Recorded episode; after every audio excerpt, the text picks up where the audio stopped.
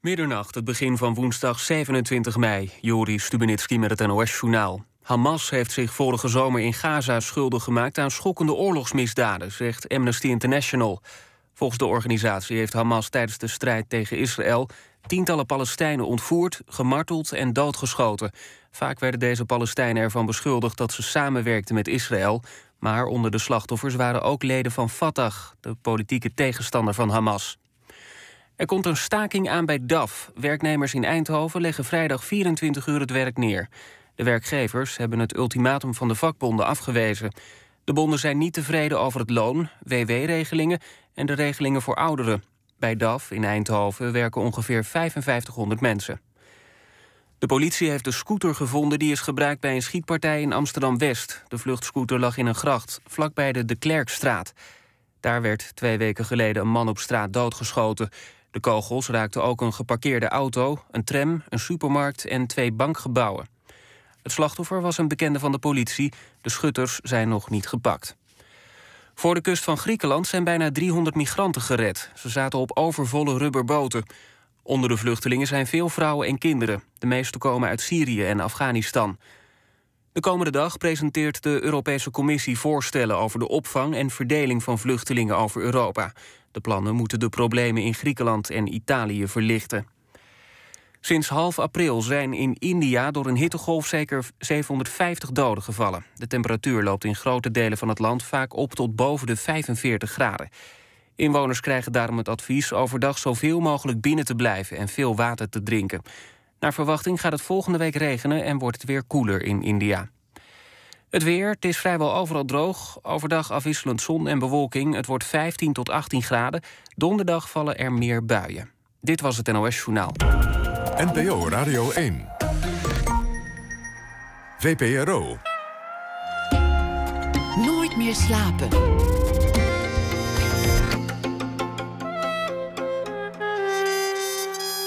Met Pieter van der Wielen.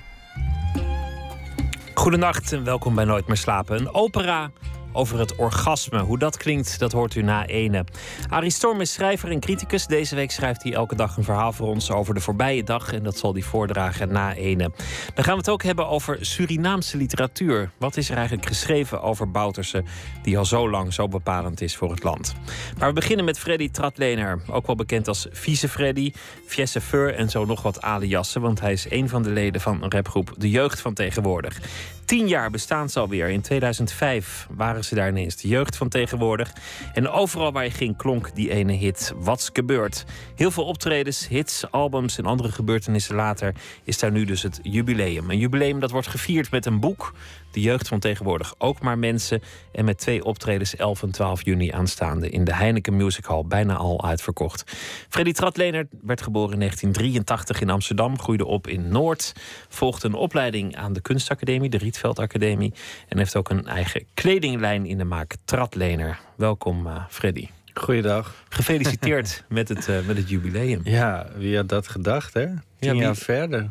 Is dat, is dat iets wat je, wat je zelf nog verbaast van? Verdorie, we zijn nog tien jaar verder. Ja, dat wel. Ik had, uh, ik had niet zoiets van toen we net begonnen van... als we de tien jaar maar halen. Maar nu het zover is, denk ik toch wel jemig. Is er, is er een moment ja. geweest, halverwege, dat, dat het er misschien op leek... dat die tien jaar helemaal niet volgemaakt zouden worden? Mm, nee, ik denk ook niet dat mensen zo ver vooruit denken in de jeugd. Ik denk... Uh, dat we gewoon allemaal heel lekker gaan en het de hele tijd willen doen. Dus dan, als zo'n tien jaar komt, dan is dat opeens plot. En dan is dat daar. En dan is dat leuk. In het boek, een mooi vormgegeven boek, daar, daar komen verschillende mensen aan het woord om, om jullie heen. Er, staan foto's in en, en uh, anekdotes en, en zo nog wat dingen. Er zijn wel mensen die zeggen van, nou ja, Zoals de manager die zegt, nou eigenlijk verbaast het me tien jaar. Want ik had gedacht, er stapte lang iemand op die zegt, ik ben het zat. ik kan er niet meer tegen, ik ben moe, ik ga iets anders doen. Ja, dat, uh, dat valt wel mee, toch? Hoe ver, ver je dat zegt. Um, nou, hij, hij zei vrij stellig van... Uh, ik denk dat hij ik dat hou rekening gedacht. mee. ja, het zou kunnen. Je weet maar nooit. Je weet maar nooit. Maar de volgens jaar... mij zijn we nog nu wel weer goed voor twee jaar. Het is natuurlijk ook uh, zo dat het goed gaat. En volgens mij helpt het als, als dingen voor de wind gaan om bij elkaar te blijven. Ja, dat is waar. Ja, zeker. Het heeft ook altijd een stijgende lijn gehad. Ehm, dus wat dat betreft helpt dat zeker. Ja. Wat is er, wat is er, eh, wat is er veranderd? Want eh, het, het was natuurlijk vrij snel dat het succes kwam. Dus, dus niet echt een, een groot masterplan of, of iets wat helemaal georganiseerd was. Hoe is dat nu anders? In het begin was het gewoon vooral gaan en was het meer een soort van verlenging van het weekend. En kreeg je betaald om op het podium te staan en mensen lastig te vallen en drankjes te drinken. En toen op een gegeven moment, na het eerste album, ging het allemaal wat minder.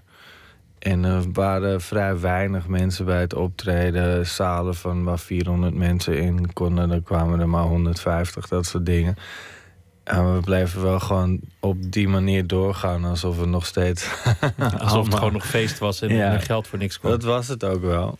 Eh, ja, zoals je in het boek ziet, die boze e-mail van de manager waarmee het begon. Een soort van waarschuwingsbrief. En die, toen was het wel zo'n punt van ja, of we gaan een beetje normaal doen en het wat professioneler aanpakken. En gewoon zorgen dat die shows goed, goed worden. Eh, ja, of we blijven een beetje doorklooien. En, en, en sindsdien dat we het goed aangepakt hebben, kwam het nieuwe album. En steeds meer succes en steeds grotere zalen, festivals, dat soort dingen. Eh, en ja, Dus het is eigenlijk professioneler geworden, zou je ja, kunnen ja, zeggen. ja, ja, ja, absoluut. Het is eigenlijk achteraf hilarisch, zo'n e-mail van de manager. Jongens, orde op zaken. Dat was toen ook al hilarisch. Jongens, het gaat zo niet langer. Eh, het begint een bende te worden. Kap ermee.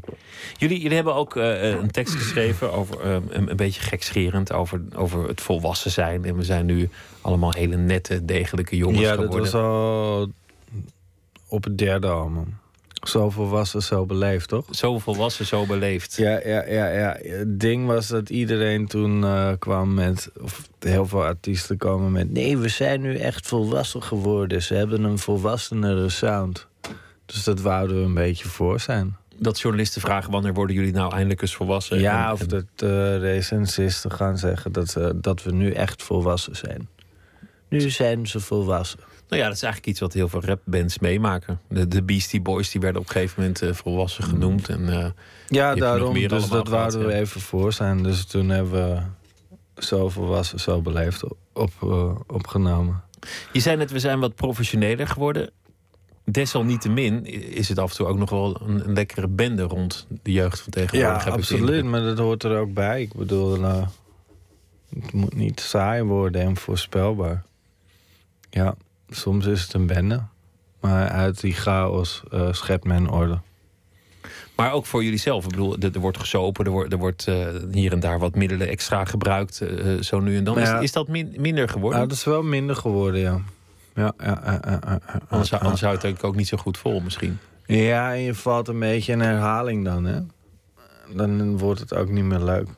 Voor jezelf bedoel je, of voor het En publiek? voor jezelf en voor het publiek. Ehm, ja. Ja. Voordat we gaan praten over hoe het allemaal zo gekomen is, hoe het allemaal verder moet en, en waar het eigenlijk allemaal over gaat, is het misschien handig om eh, te gaan luisteren naar wat waarschijnlijk jullie grootste hit is of jullie bekendste nummer. Dat, dat weet ik eigenlijk niet precies wat het bekendste is, maar dit zou heel goed kunnen. Sterrenstof, want dan, dan weet iedereen eigenlijk meteen waar we het, eh, waar we Wie we nou eigenlijk zijn. Precies.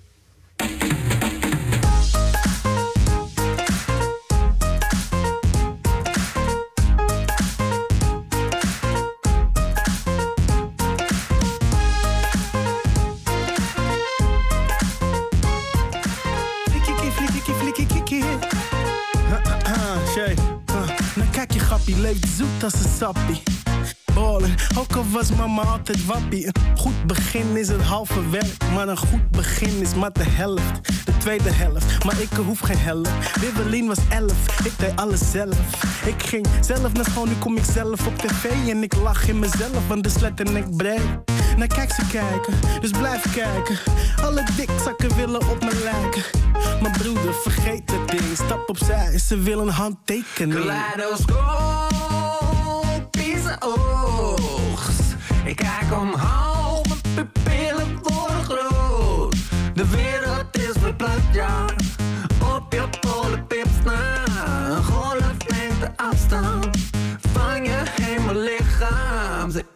spectrale klassen. Voor een aardse klachten. Hoe losgepast het toen ze naar me lachten. Je kijkt terug in de tijd. Als je naar de kijk.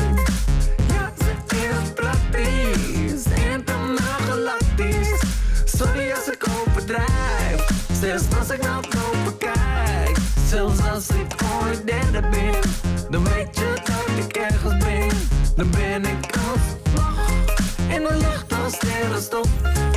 Dan ben ik loser in the sky met diamonds on my neck, bitch, diamonds on my neck. Loser in the sky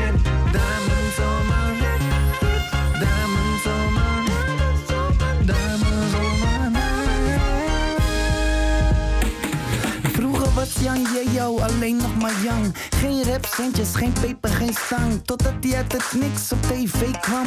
Ineens changed zijn hele leven. Bam, shows in het weekend, geld op de bank. Gelukkig aan het sterrenstof, maar telt het nog dan? Hij wilde proeven van elke soort drank. Men probeerde hem te zeggen, hij was telkens zo lang. En na een tijdje zat hij crazy in de put. Toen uit de lucht kwam vallen Lady Luck. Ze werd zijn baby en hij was haar baby terug. En alle vlinders in zijn buik zeiden nee tegen die drugs. Ik heb een mokka prinsesje op mijn bankje. Stemklankje, brengt nog steeds brood op een plankje. Soms denk ik terug, heb mijn drankje. Met de sterren in de lucht, is echt De drankje. wereld is verplaatst, ja. Op je polenpips na. Een golflengte afstand van je hemellichaam. Ze is van spectrale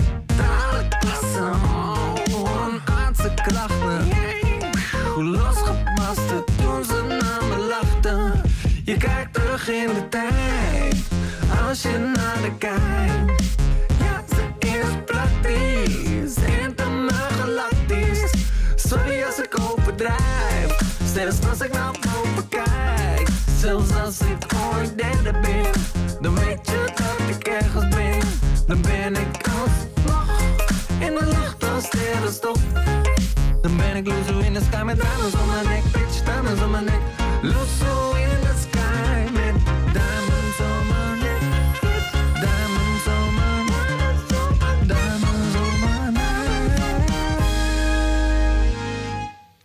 Van het album Sterrenstof uit 2010, De Lachende Derde. Van de jeugd van tegenwoordig, Freddy Tratlener. Hallo. Vieze Freddy zit eh, tegenover me. Hoe het begon in eh, Amsterdam-Noord. Daar ben je geboren in 1983. En, eh, In het OLVG in Amsterdam-Oost, daar ben ik geboren. Maar opgegroeid in, in Noord. Yes, in Tuindorp. En toen naar Phoenixwijk, het Twisco. Aan het Twisco. En toen naar Zuideinde. Dat, dat, dat Allemaal zeg maar in Noord. Allemaal in Noord. zegt me allemaal niet zo heel veel. Maar het zijn, ik kan me wel een beetje voorstellen hoe het er daar dan uitziet in, in eh, de specifieke straten die je bedoelt. Oké, zeg het eens. Ik denk aan eh, nieuwbouwwijken met, een- met, een, eh, met een schuurtje en een, en een brandgangetje en een, en een wipkip. Ja, dat soort, ja ook. En een bushalte vooral. Veel busauto's. Landelijk Noord eh, gemixt met eh tuig Noord. Het is een goede melange van mensen. En daar, daar kenden jullie elkaar gewoon van? van uit de buurt, of ik niet? ken Olly van de middelbare school. eh, ook uit Noord. Vanaf mijn vijftiende. Volgens mij hadden we allebei straf en stonden we op de gang. Raakten we aan de babbel. Dat schept een band, straf. Ja, ja, ja, ja, Daar beginnen de vriendschappen. Was het allebei een beetje kat uit de boom kijken. En als, je- eh, ja, als je dan ziet van... Hmm, kut, het gaat, het gaat toch wel goed. En toen zijn we vrienden geworden eigenlijk. Ja. Wat, wat hield jullie vriendschap in? Wat deden jullie dan? Eh, door de stad banjeren, eh, platen uitzoeken, ehm, achter in de bus rondjes maken in Amsterdam Noord, langs mensen gaan, uitgaan, dingen koken, babbelen, van alles gewoon, buurten. Muziek wel in de vorm van platen kopen, maar nog niet in, in de vorm van actief muziek maken. Eh, Willy Watta die was wel veel bezig met, eh, met rapper echt. Eh, en mm, amateuristisch opnemen op een leuke manier in zijn eigen huis. Mensen aan het Willy Wartal is interviewen. Olly, hè? Dat is één en Ja, dezelfde ja, persoon. ja, dat klopt. Eh, gewoon eh, in zijn eigen huis mensen aan het interviewen. Beetje tijd doden bij de bushalte inderdaad. En, Bus 38 was het. bus 38, ja. Waar, waar gaat hij eigenlijk heen als, als je het eindpunt haalt? Ehm, hij gaat van de Molenwijk naar Nieuwe Dam, als ik het goed heb. Eh, ik weet het niet precies meer. En eh, hij maakte een rondje. Al dus zo begon het. Ja, Eigenlijk bij toeval zijn jullie op een gegeven moment zelf gaan, gaan rappen. Ja, Olly was er wel echt mee bezig. Ik ben eh, meer bij uit verveling. S'nachts over straat lopen in Amsterdam Noord. Dat zijn nogal afstanden van zijn huis naar mijn huis. Eh rap is tot het einde van de straat. Dat lukte me toen, zonder te stoppen. Eh, wow, jee. En eh, zo gaat het verder. Gewoon, gewoon in een soort cadans van je, van je, van je lopen, Mhm. van, van, je, van je voetstappen. Ja, Met je tred. wel. En, Ja. dan, en dan kijken of er Tijd woorden doden. komen, tijd doden. ja. Zo, Ja, veel ja, dingen ja, beginnen ja, uit ja, tijd ja. doden. Je hebt eh, Rietveld gedaan, kunstacademie, volgens mij ook zelfs afgemaakt. Yes. Dat, dat is een hele chique academie. Wat deed je daar eigenlijk? Eh, beeldende kunst. En ik heb echt alles gedaan. Alles waar geen computer aan te pas kwam, heb ik wel gedaan. Veel installaties gemaakt, sculpturen, een beetje geschilderd, filmpjes gemaakt. Ja, van alles eigenlijk. Abstract, figuratief. Ja, veel. Was heel leuk. Toen kwam de jeugd halverwege. Toen ben ik er even uitgegaan. Anderhalf jaar. Toen ben ik weer teruggekomen. Om, Toen- het, om het af te maken. Ja, toen hadden we nog heel veel optredens tussendoor. Dus toen zat ik op school les te volgen en dan stond het busje alweer ronkelend klaar. Om je op te halen voor de volgende gig. Ja, ja. Maar het is hard werken, de, de, de Rietveld. Ik bedoel, dat is niet, Ja, het is nee, niet de ik- minste academie. Eh, ik heb het eh, met heel veel lol gedaan. Ik vond het ook fijn om daar hard aan te werken. Ja. Waar kwam het idee vandaan om, eh, om naar de kunstacademie te gaan? Hoe ontstond dat? Mm, dat zat er altijd wel in, eigenlijk. Eh, ik ben wel creatief opgevoed. Ik mocht eh, toen ik een jaar of vier was op de keukenkastjes tekenen. Ik kreeg af en toe een paar bolletjes wol en dan ging ik in mijn eigen kamer alle dingen waar ik die touwtjes aan vast kon knopen. Dat knoopte ik vast en dan had ik op het eind had ik een soort van hele grote spinnenweb gemaakt waar je niet doorheen kwam. Eh, ik ben bij de teken, eh, ik ben bij de buurvrouw vaak eh, op oppassen gezet. Hoe noem je dat? En dat was een tekenares. Haar man maakte poppen voor Bolleke de Beer. dat soort dingen. Dus eh, ja, daar heb ik eh, elke zondag of zaterdag tekenles van gehad. Ja, En je ouders vonden het leuk. Die, die dachten Die niet vonden van... het eh, fantastisch, ja. en die vonden het ook een goede keuze om naar de kunstacademie te gaan. Want veel ouders schrikken daarvan. Nee, die vonden het prachtig. ja. Ja, ja. Vader is bedrijfsleider geweest van een horecatent. Eh, ook nog chef geweest. Mijn moeder deed allerlei schoonmaakbaantjes en werkte in een slager. Ook nog in de horeca. Eh, nee, maar die, die vonden het altijd heel leuk. eh, alle creatieve uitingen. Ja. Dus je ging naar de, naar de Rietveld. Wat, wat had je voor ogen eigenlijk? Wa- Was dan je plan om uiteindelijk een soort eh, praktiserend beeldend kunstenaar te worden? Ja, eigenlijk wel. Mm, ja, ik denk niet zo heel veel na wat dat betreft. Je gaat ik gewoon, je ik, wil, het. ik wil daar naartoe gaan. Dat lijkt me super tof. Dan eh, kom ik met toffe mensen op- in dezelfde ruimte. En dan kijk ik wel hoe dat gaat. Wat er gebeurt. En wat er gebeurt en hoe dat werkt. Ik wist ook niet zo heel veel van kunst af. En eh, ja, dan kom je daar en dan, dan zie je hoe andere mensen ook maar wat doen. En dat is heel tof. Ben je er nog mee bezig? Met, met, je, met je sculpturen en je, en je installaties? En... Ehm, op dit moment niet heel druk. Ik ben wel weer begonnen met tekenles, maar mm, we hebben het heel druk. En eh, ik heb vorig jaar nog een groot sculptuur-installatie-object gemaakt voor een galerie in Amsterdam, Galerie Gabriel Roth. Dat was heel tof. Eh, dus ik ben er altijd wel mee bezig, maar niet echt druk. Als ik eerlijk ben. Maar je een liefhebber, toch? Ik bedoel, je, je, bezoekt, je bezoekt graag musea. Je, Ja, je, je, volgt een beetje wat er aan de hand is. Je, je kijkt graag naar, naar wat anderen doen. Ja, ja, ja, ja, ik hou super erg van mooie dingen, ja. Ja. Enfin, maar met Willy Wartouw, jullie waren vrienden, veel in de bus hangen. Eh, je repte om, om je, je wandeling wat korter te doen lijken. Ja. Te kijken hoeveel, hoeveel woorden er dan komen. Mhm. En op een zeker ogenblik ontstond dan die, die, die samenwerking. Is is er een soort moment dat jij je kunt herinneren dat de jeugd van tegenwoordig is ontstaan? Dat het er ineens was. Ehm, ja, ehm, ik heb een gezamenlijke vriend. eh, nou ja, ik heb een goede vriend, Lucas. En toen ik nog met Olly aan het rappen was, hadden we het de hele tijd over het woord watskebert. En dat kwam van een andere rapper uit Noord, Heist Rocka. En ehm, wij waren dat woord alleen maar aan het zeggen. De hele dag tegen iedereen en alles. Wat is gebeurd dit, wat is gebeurd dat. En eh Pepijn, Fabio, Pepijn Lane, ja, Fabio. Ja. die, eh, die had ik al twee keer ontmoet. Eh, en eh, hij belde Lucas op een gegeven moment van... ja, ik ben eh, een nummer wat is gebeurd aan het opnemen. En jij moet even komen, de adlibs komen doen.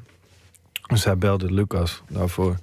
Adlibs bedoelt gewoon een, een soort van sketten bijna. Gewoon het, Watskaber. Dat hoor, je hoort Lucas ook op die track. En ehm, ja, en ik was met Lucas. Volgens mij was er iemand jarig waar, waar in ieder geval goed zat.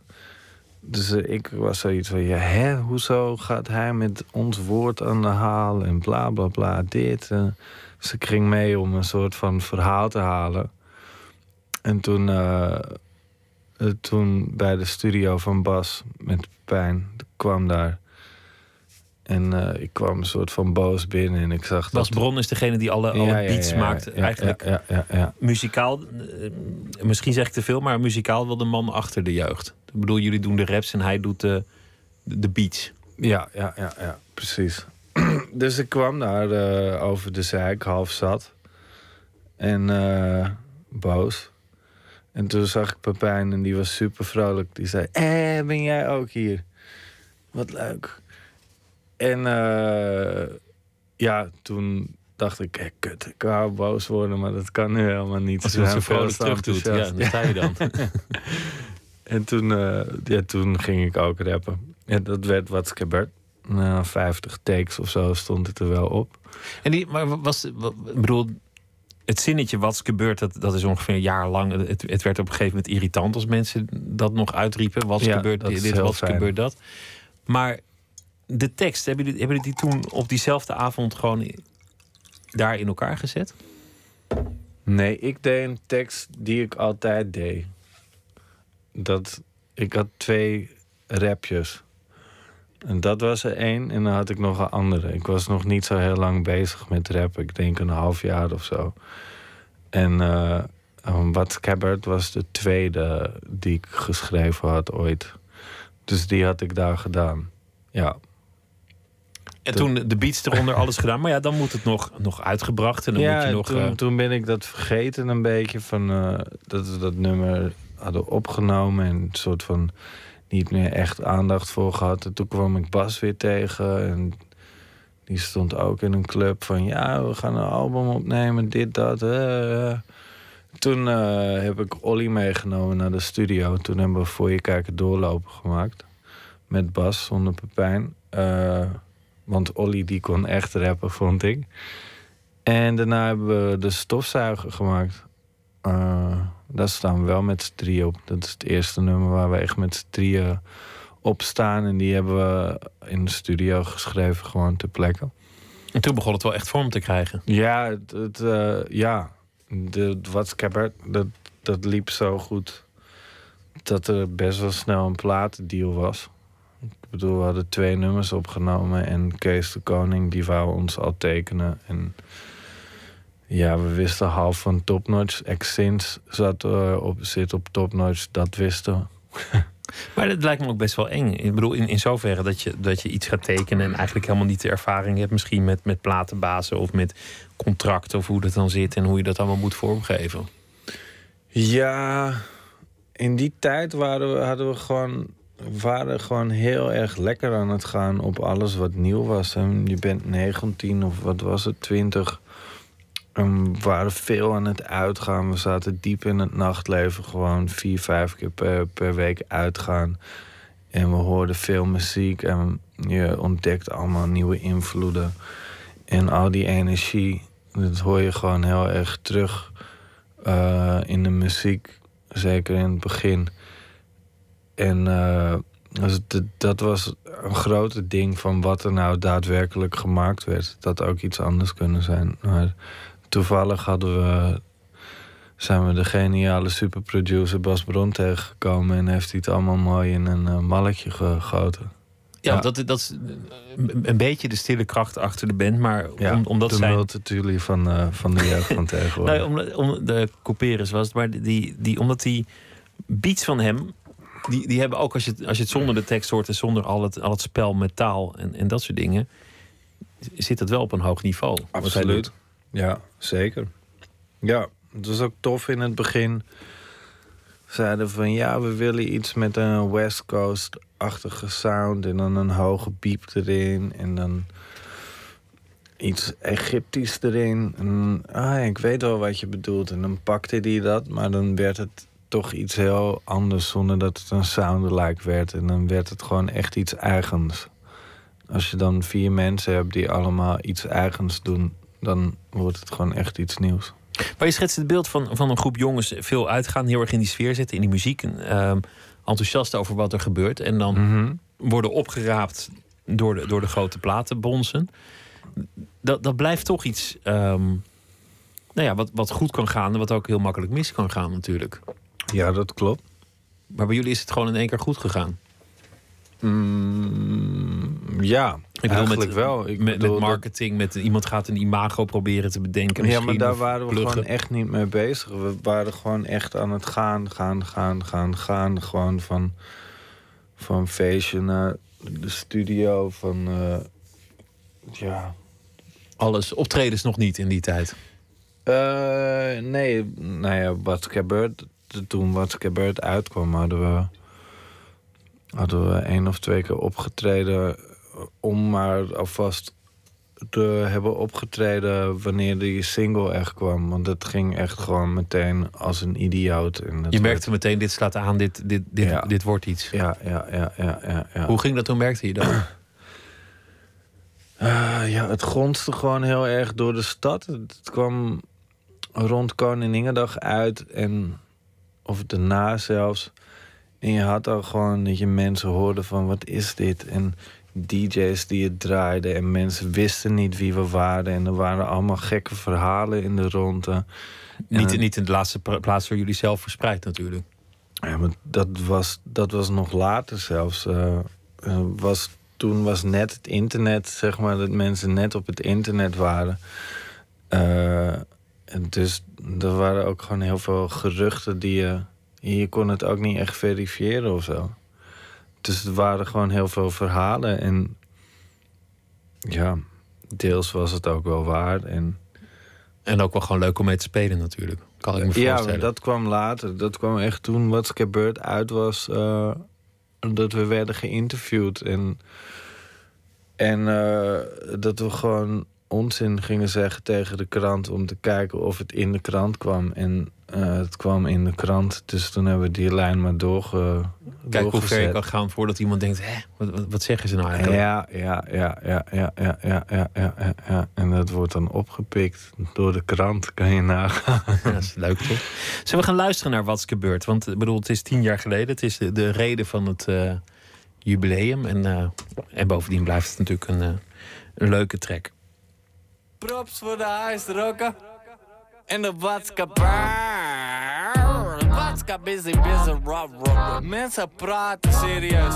Maar ze weten van geen ene kanker wat gebeurt. Maar er gebeurt veel, serieus. Komen die vocalen of hoe moet ik beginnen? Je bent een kijk dat soort, maar je weet niet gebeurd, wat's gebeurd. Je bent MC dat front, maar je komt niet tot de grond, tot de grond. Tot de grond, tot de grond. Tot de grond. Je bent een MC met crown, maar je weet niet wat is nieuw, wat is nieuw. Wat is nieuw. Je bent een chef zonder cloud en je bent Oké niet body. Vieze Freddy is ook gebeurd. Bacardi. Alsof je dat niet wist. En ik drink tot de motherfucking fles leeg is. En pas koe. Als ik die flesjes in bezel, dan ben ik pas tango. Uh. Voor shizzle, je lacht, maar ik maak hier geen motherfucking grappen. Bus uit mijn pikje, kan een lauw tappen, staat te spacen. Maar ben niet van Star Trek. Ook geen bassa bas, maar ik breek wel je nek. Komt alleen uit mijn achterste. Moeders met dochters, ze verachten me. Ben van baksteen, alsof je dat niet ruikt. Want de een is dik en de ander gebruikt. Ik ben taag van de eerste klasse En je wast je handen altijd Onze klasse, kijk me aan Je weet precies hoe laat het is. Baksteen De rest is geschiedenis. Je Zo. bent een champ, kijk dat soort Maar je weet niet wat's gebeurd, wat's gebeurd? Wat's gebeurd, wat's gebeurd? Je bent een MC dat front Maar je komt niet tot de grond, tot de grond. Tot de grond, tot de grond, tot de grond. Je bent een MC met crown Maar je weet niet wat is nieuw, wat is nieuw? Wat is nieuw? Je bent een champ zonder En je bent niet bout it, bout it, bout it, bout it, bout it wat is nieuw, Kel? Wat is gebeurd in de schuur? Is het bij jou alles rustig of gezeur met de buurt? Zijn het biertjes voor gratis of gewoon plus duur? En ben je bodybouw of een druk figuur? Voor alle vrouwen en chickies van jou het doet me sticky Heb die vrouw in mijn dikkie show We houden een chick Bout it, bout it Als een gek met al het goud in mijn mickey Twee gezichten, één formule Als Laura en Nicky. Je bent een kijk dat soort Maar je weet niet wat's gebeurd. Wat's gebeurd?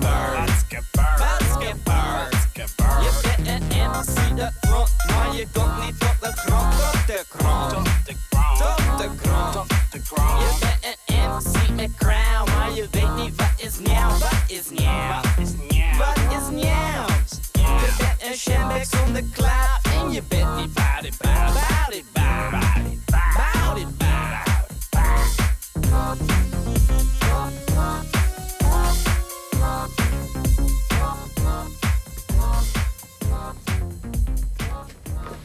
2005, tien jaar geleden, van het album Parels voor de Zwijnen. De doorbraak van de jeugd van tegenwoordig.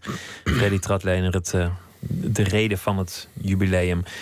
Toen was daar die, die enorme hit. Toen moesten jullie gaan optreden. Je vertelde net al iets van ja, wij hadden gewoon het idee. Goh, het weekend duurt voortaan wat langer en we stappen in een bus en we gaan pret maken. Ja, dat was ook zo. Eh, gewoon eh, tien man in een, in een busje waar er acht in konden. Dat soort dingen. Mensen meenemen van waar we op traden en ze dan in Amsterdam uitgooien, eh kwijtraken. Zie maar hoe je terugkomt naar Ja, Brabant of, eh, of Friesland. Mhm. Gewoon rock'n'roll eigenlijk. Eigenlijk wel, ja. Ja, ja, ja. Tot, tot de brief kwam van de manager: jongens, het, het, het moet anders.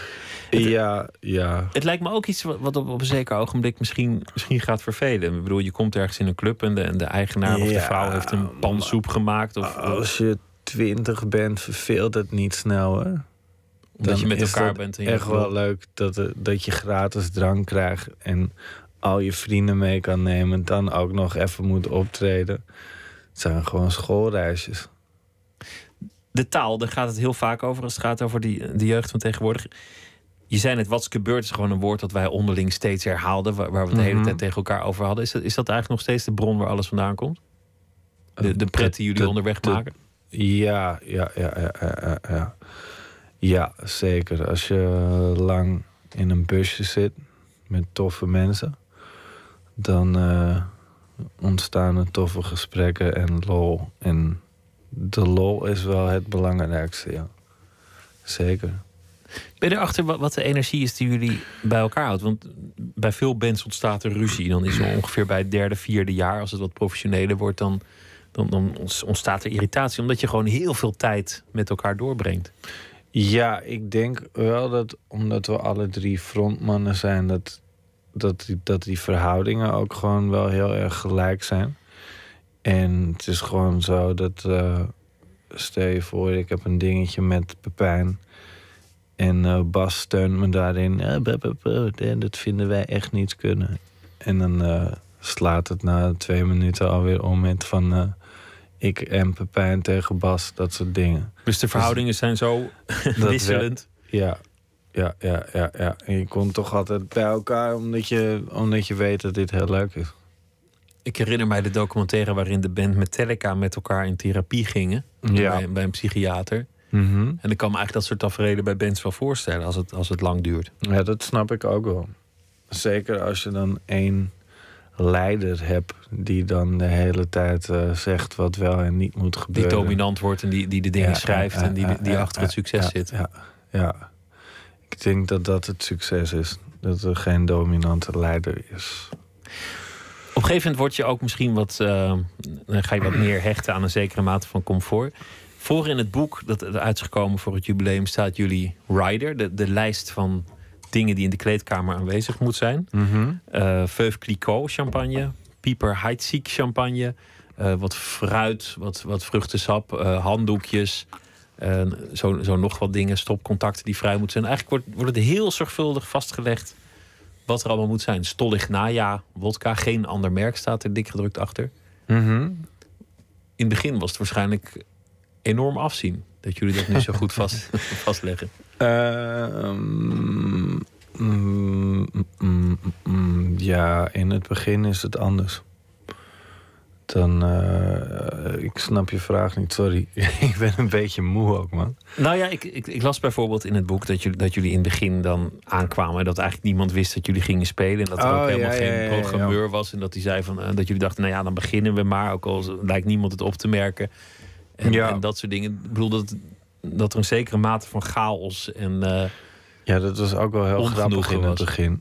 Maar nu willen we gewoon een goede show neerzetten. En in het begin was het gewoon een grote rel en jezelf vooral vermaken. Dus eh, dat is wel anders. Eh, maar afzien was het zo en zo wel, ja, in het begin.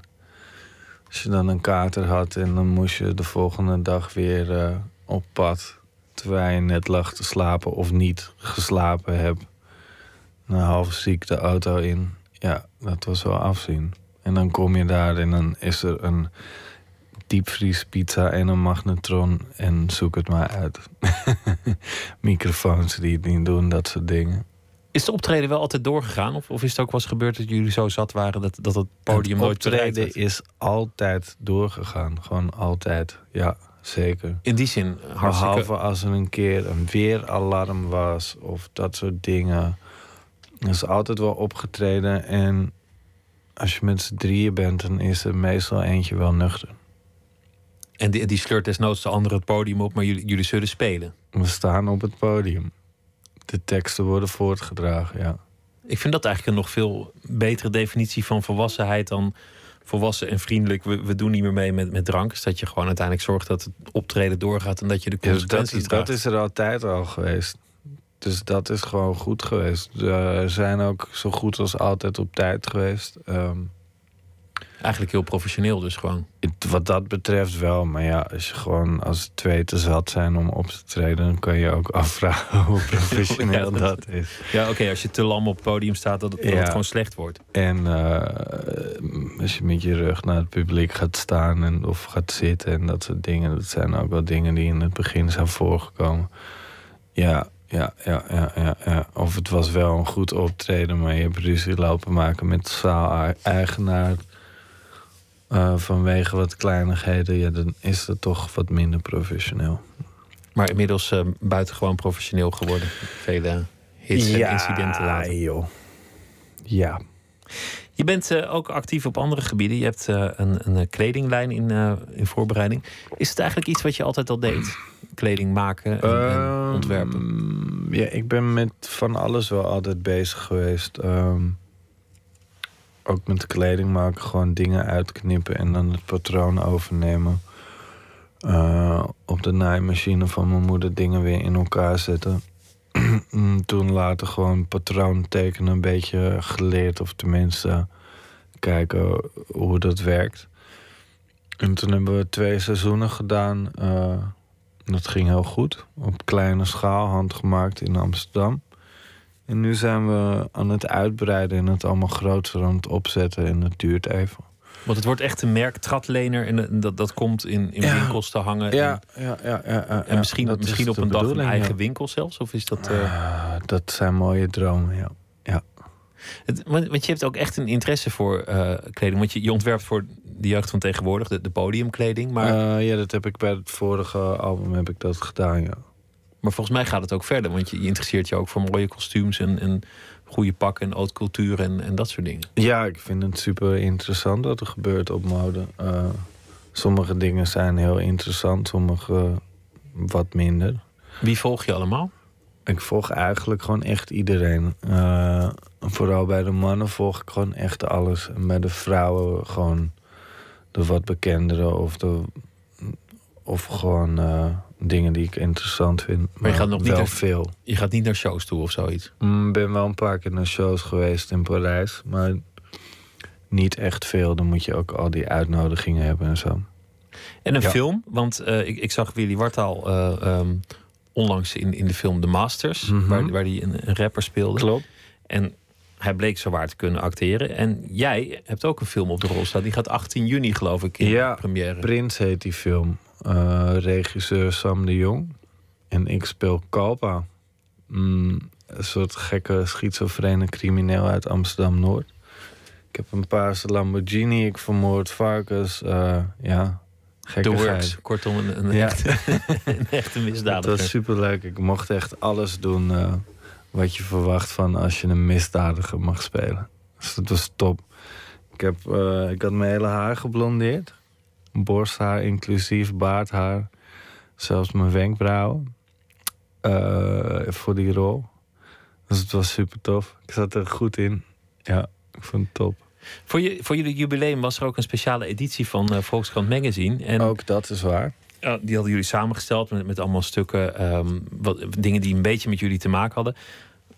Wat ik het leukste vond, was, was dat jij ergens mocht gaan eten. En je zei, nou dan wil ik bij een, een, een sterrenrestaurant in Kruiningen eh, Ja. gaan eten. En dat die verslaggever, die, die was dan zelf culinair journalist, merkte op dat je eigenlijk heel veel van het eten afwist. En precies Ja, ja, ja. kon beoordelen hoe alles gedaan was en gemaakt. En ook dat heeft je Ja, interesse. enigszins. Ja, zeker. Eh, ik hou echt superveel van lekker eten. Ja. Maar je hebt er ook verstand van, min of meer. Min of meer. Als een amateur. Maar je bent ook kok, zeg maar, amateurkok. Ik kan wel wat koken, ja. Ja, ja, ja, ja, Ik vind. Ik krijg namelijk het beeld van iemand die zich voor ontzettend veel dingen interesseert. Die, die eigenlijk aan alle kanten zeker. Eh, het, het volgt. Of het nou gaat over kunst of vormgeving of, of Ja. kleding. Of, eh, Ja, ik denk of dat we dat allemaal wel doen bij de jeugd van tegenwoordig. Want Pepijn heeft een enorme interesse voor literatuur. Daar, daar is hij ook wel Ja, hier en daar over ja, ondervraagd. zeker, zeker. Eh Olly ook trouwens. Eh, ja, Bas die heeft weer andere dingen. Eh, ja, bij elkaar weten we gewoon heel veel.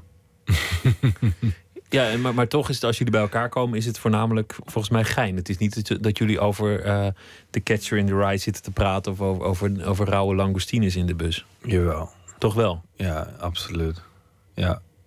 Ja, ja, ja, ja. ja. Nee, maar daarna ook, wel, daarna ook wel gewoon aan de wodka en, en, en Het, wat, kan extra allemaal heel mooi samen. Lol, langoustines, catcher in de rij, wodka erbij. Ja, dat gaat gewoon heel goed samen. Alles, zijn eh, allemaal fijne dingen. Alles tegelijk. Afke Romein was eh, laatst in dit programma. Die, die speelde live een liedje. En die koos voor een nummer dat van jullie is. Huilend naar de club. En we gaan eh, luisteren naar jullie versie. Top.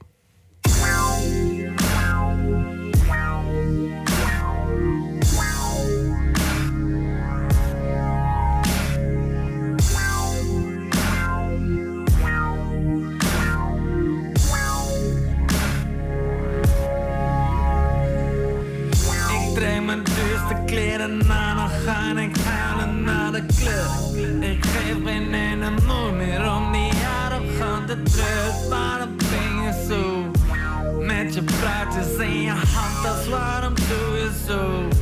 Je vriendin en vieze bangas en mama zei Er zullen altijd slechte zijn voor haar die andere dertien in een docent Stiekem wil je en misschien wel terug. Je spoelt met traan Al is het huilend naar de club Ik geef geen ene moed Vlak omdat die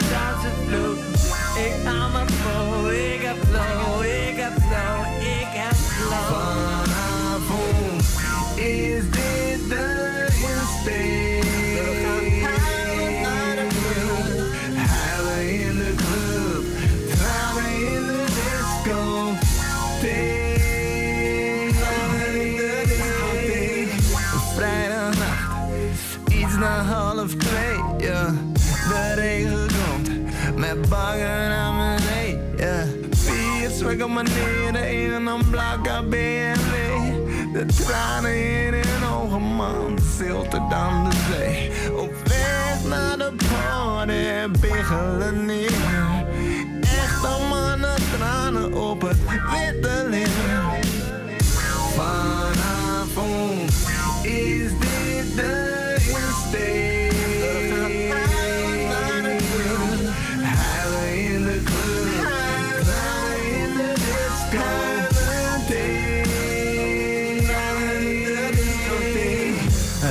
een goddamn Griekse tragedie in this bitch. Tragedie in this bitch.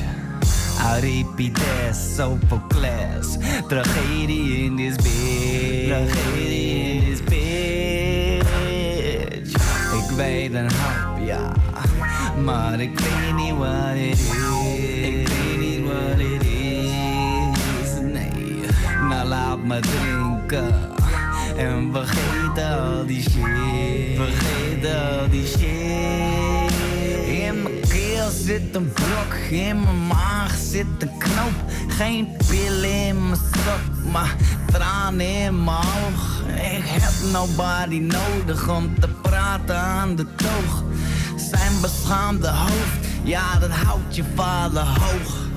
Fouten zijn gemaakt, beloften zijn gebroken. Kwaad bloed is gezet, kwade woorden zijn gesproken. Met telefoons gesmeten en in oren opgehangen. Er wordt gehuild in de club als nooit tevoren door een zanger. Een Polonaise van traantjes op mijn wang. Eh, sta met tegenzin te schuilen in de gang. Eh, iedereen gruwt me, doen alsof de neuzen bloeden. Iedereen weet, als het goed met me gaat, zit ik thuis. Want thuis heb je geen kook, geen hoeden, geen sletten, geen hoos. Geen wodka spaarrood, geen MD in mijn ook. Weer een lintje, lijkt wel op een pannenbeer. De mascara zit niet meer in mijn haar. Zit door elkaar, de lat, dit smaken de panties keer. Als een bitch, voel me alleen. De wereld is zo gemeen. Iedereen is tegen mij. Iedereen, ze vergeten mij. Maar rustig, ik ga niet boos worden. Ik wil alleen maar getroost worden. Ik zei rustig, ik ga niet boos worden. Lintje, wil getroost worden. Troost worden. Vanavond is dit de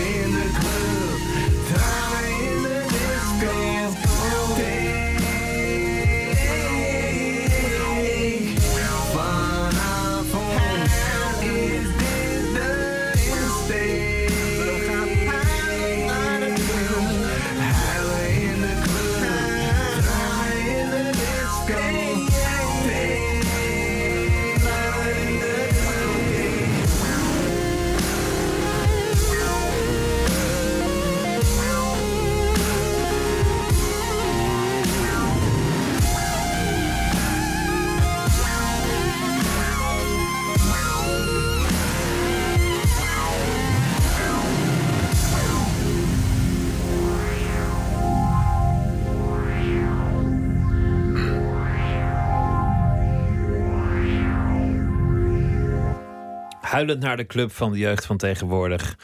En eh, nummer ook weer uit eh, 2010. Freddy, een van de leden. Vieze Freddy. F- Freddy Fjör, vele andere namen. Freddy Tratlenen zit tegenover mij.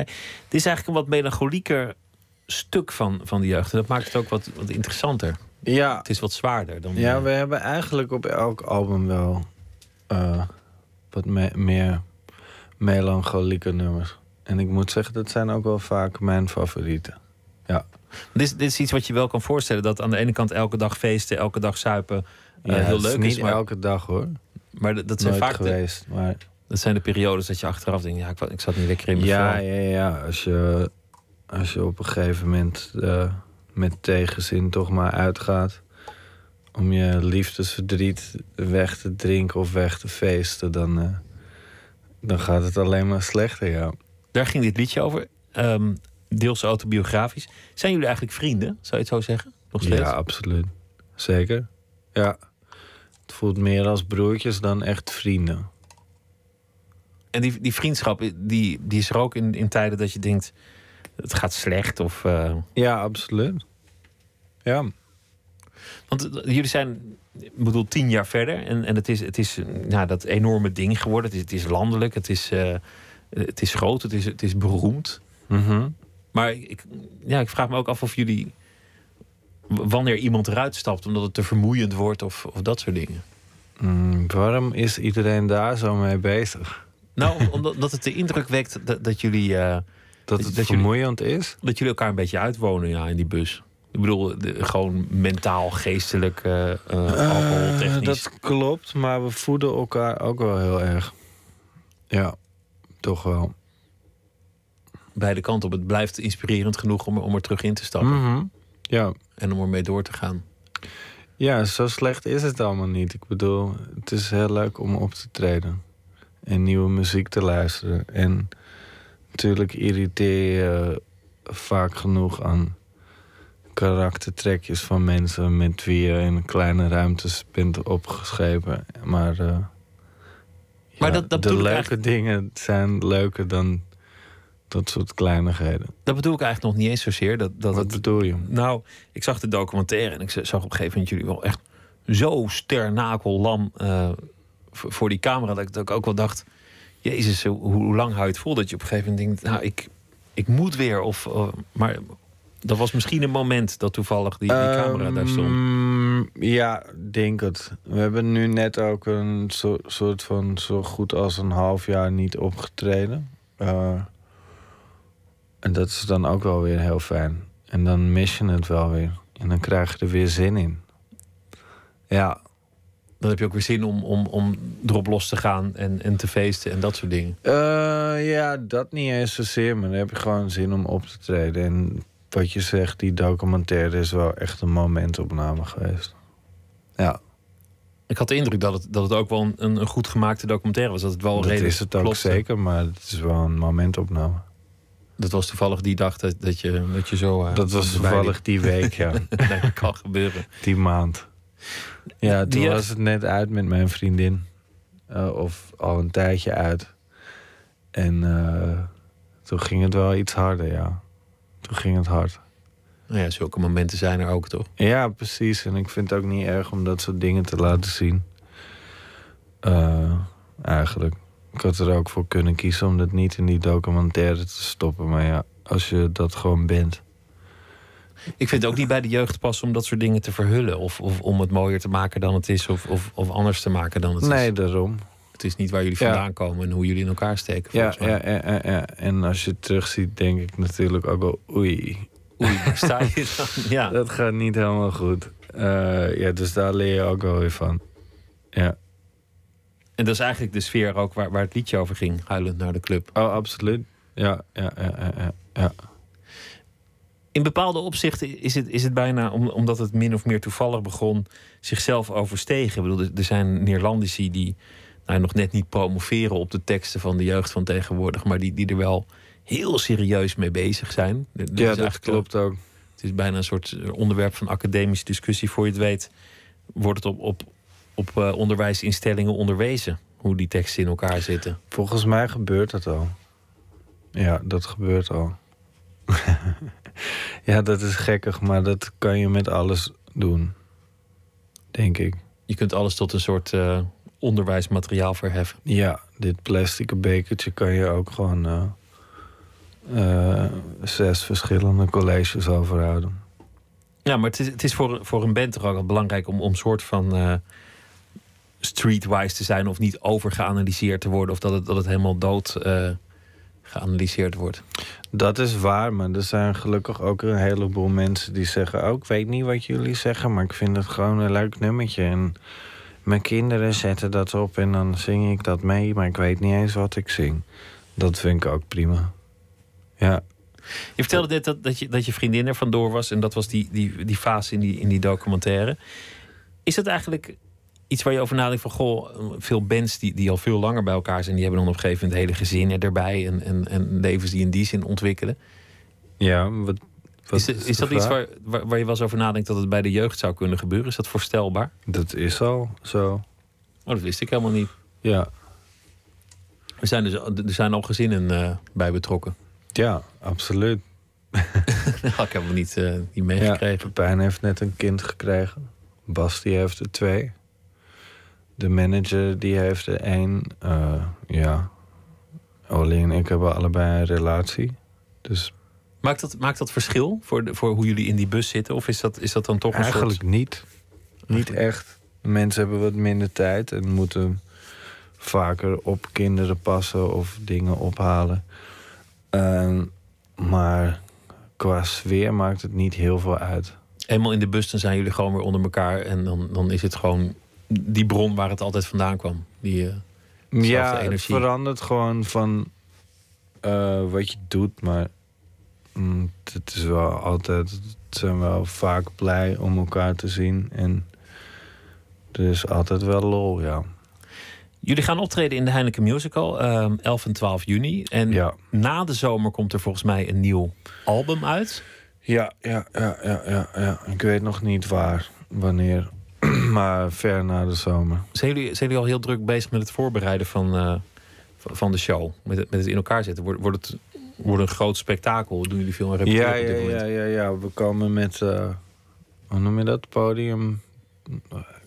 Jeetje. Ehm, we komen met podiumstukken, decor. Decor, dat, dat ja. woord zocht ik. Ehm, ja, ja, ja, ja, ja, mooie kleertjes. eh, er gebeurt best wel veel, ja. Het wordt wel echt een spektakel, een show. En een nieuw album. Kan je je voorstellen dat, er over, dat het over tien jaar, twintig jaar de jeugd van tegenwoordig is? Of, of ik bedoel, je bent niet iemand die heel erg aan de lange termijn denkt en van, van plannen houdt, maar de gedachte Ik moet kan het eh, me best voorstellen, ja. Ja. Ja. Ja, natuurlijk kan je het voorstellen als je het, ja. Hoe dat dan eruit ziet, dat weet ik niet. Het is ook wel heel relaxed om gewoon minder op te treden. En dat als er een nieuw album is, dat je zegt... hé, hey, ik ga dan en dan tour, ik doe een paar festivals en dat is het. Dat zou ook nog kunnen. Het kan alle kanten. Maar ik denk wel dat we met z'n vieren gewoon nog heel lang muziek blijven maken. Als het, Tenminste, werkt, dat hoop ik. als het werkt, moet je ermee doorgaan, toch? Jullie hebben elk je eigen inbreng en op de een of andere Ja, manier. En het is toch wel het? altijd heel fijn als het eindproduct daar is. En je hebt weer iets om trots op te zijn. En dat nieuwe album waarmee we gaan komen, dat is ook weer echt heel erg tof. Weet je al een titel eigenlijk? Heb je dit al besloten? Nee, nee, wat de nee, titel wordt? Nee, nee, nee. Nee, we zijn vorig jaar eh, in april... hebben we een maand in Brussel gezeten. eh, in een hotel. En daar hebben we bijna alle nummers opgenomen. Dus dat was heel tof. Ik ben een heel maand lang eh, bij elkaar eh, op schoot en op elkaars lip en in een hotel. En dat was eigenlijk ook heel leuk. Ja. Ik Ik, wens je dacht heel dat veel- ik gekker zou worden van die jongens, maar dat viel hartstikke mee. Het is eh, tien jaar al goed gegaan met, Precies, daarom. met je vrienden. Die, je- die je omschreef als eh, toffe jongens, maar ook klootzakken. En dat zei dus ook weer over jou. Dus dat, eh, het zit allemaal goed. Freddy, dank je wel. Heel Ja, veel plezier eh, in de Heineken Musical. Heel veel succes met het nieuwe album. En leuk dat je er was. Dankjewel. We gaan zo meteen verder gaan we het hebben over een opera, over het orgasme. En we gaan het hebben over Surinaamse literatuur en nog wat dingen. Twitter, het VPRO NMS of via de mail nooit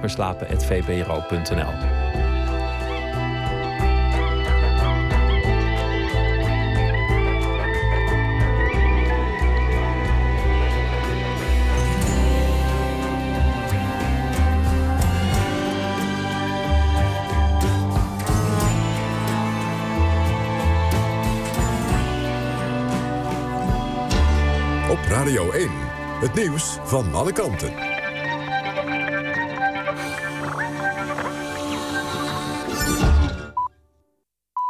1 uur, Joris Stubenitski met het NOS-journaal. Voor de kust van Griekenland zijn bijna 300 migranten gered. Ze zaten op overvolle rubberboten.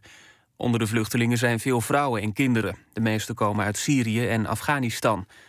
De komende dag presenteert de Europese Commissie voorstellen over de opvang en verdeling van vluchtelingen over Europa. De plannen moeten de problemen in Griekenland en Italië verlichten. Hamas heeft zich vorige zomer in Gaza schuldig gemaakt aan schokkende oorlogsmisdaden, zegt Amnesty International. Volgens de organisatie heeft Hamas, Hamas tijdens de strijd met Israël tientallen Palestijnen ontvoerd, gemarteld en doodgeschoten. Vaak werden deze Palestijnen ervan beschuldigd dat ze samenwerkten met Israël, maar onder de slachtoffers waren ook leden van Fatah, de politieke tegenstander van Hamas. Dieven hebben in Duitsland een koffer gestolen met daarin een donornier. Medewerkers van een donorbureau waren met het orgaan per trein op weg naar een operatie. Op een station in de buurt van Keulen werden ze even afgeleid en werd de koffer gestolen. De Duitse politie denkt niet dat de dieven het hadden gemunt op de nier, maar op een willekeurige koffer. Er wordt rekening mee gehouden dat de donornier is gedumpt. Medewerkers van DAF in Eindhoven gaan staken. Vrijdag leggen ze 24 uur het werk neer. De werkgevers hebben het ultimatum van de vakbonden afgewezen. De bonden zijn ontevreden over het loon en regelingen voor ouderen. Bij DAF in Eindhoven werken zo'n 5500 mensen. Monumentale steden zijn in trek. Veel mensen willen wonen in een oude stad en daardoor groeit de bevolking daar een stuk harder dan in nieuwere steden. Dat staat in de jaarlijkse atlas voor gemeenten. Vooral hoogopgeleiden trekken massaal naar steden als Amsterdam, Leiden en Maastricht. Volgens de onderzoekers is dat niet van alle tijden. Halverwege de jaren 80 verpauperden oude steden juist en trokken de inwoners massaal weg. Het weer vrijwel overal droog. Overdag afwisselend zon en bewolking. Het wordt dan 15 tot 18 graden. Dit was het NOS Journaal. NPO Radio 1.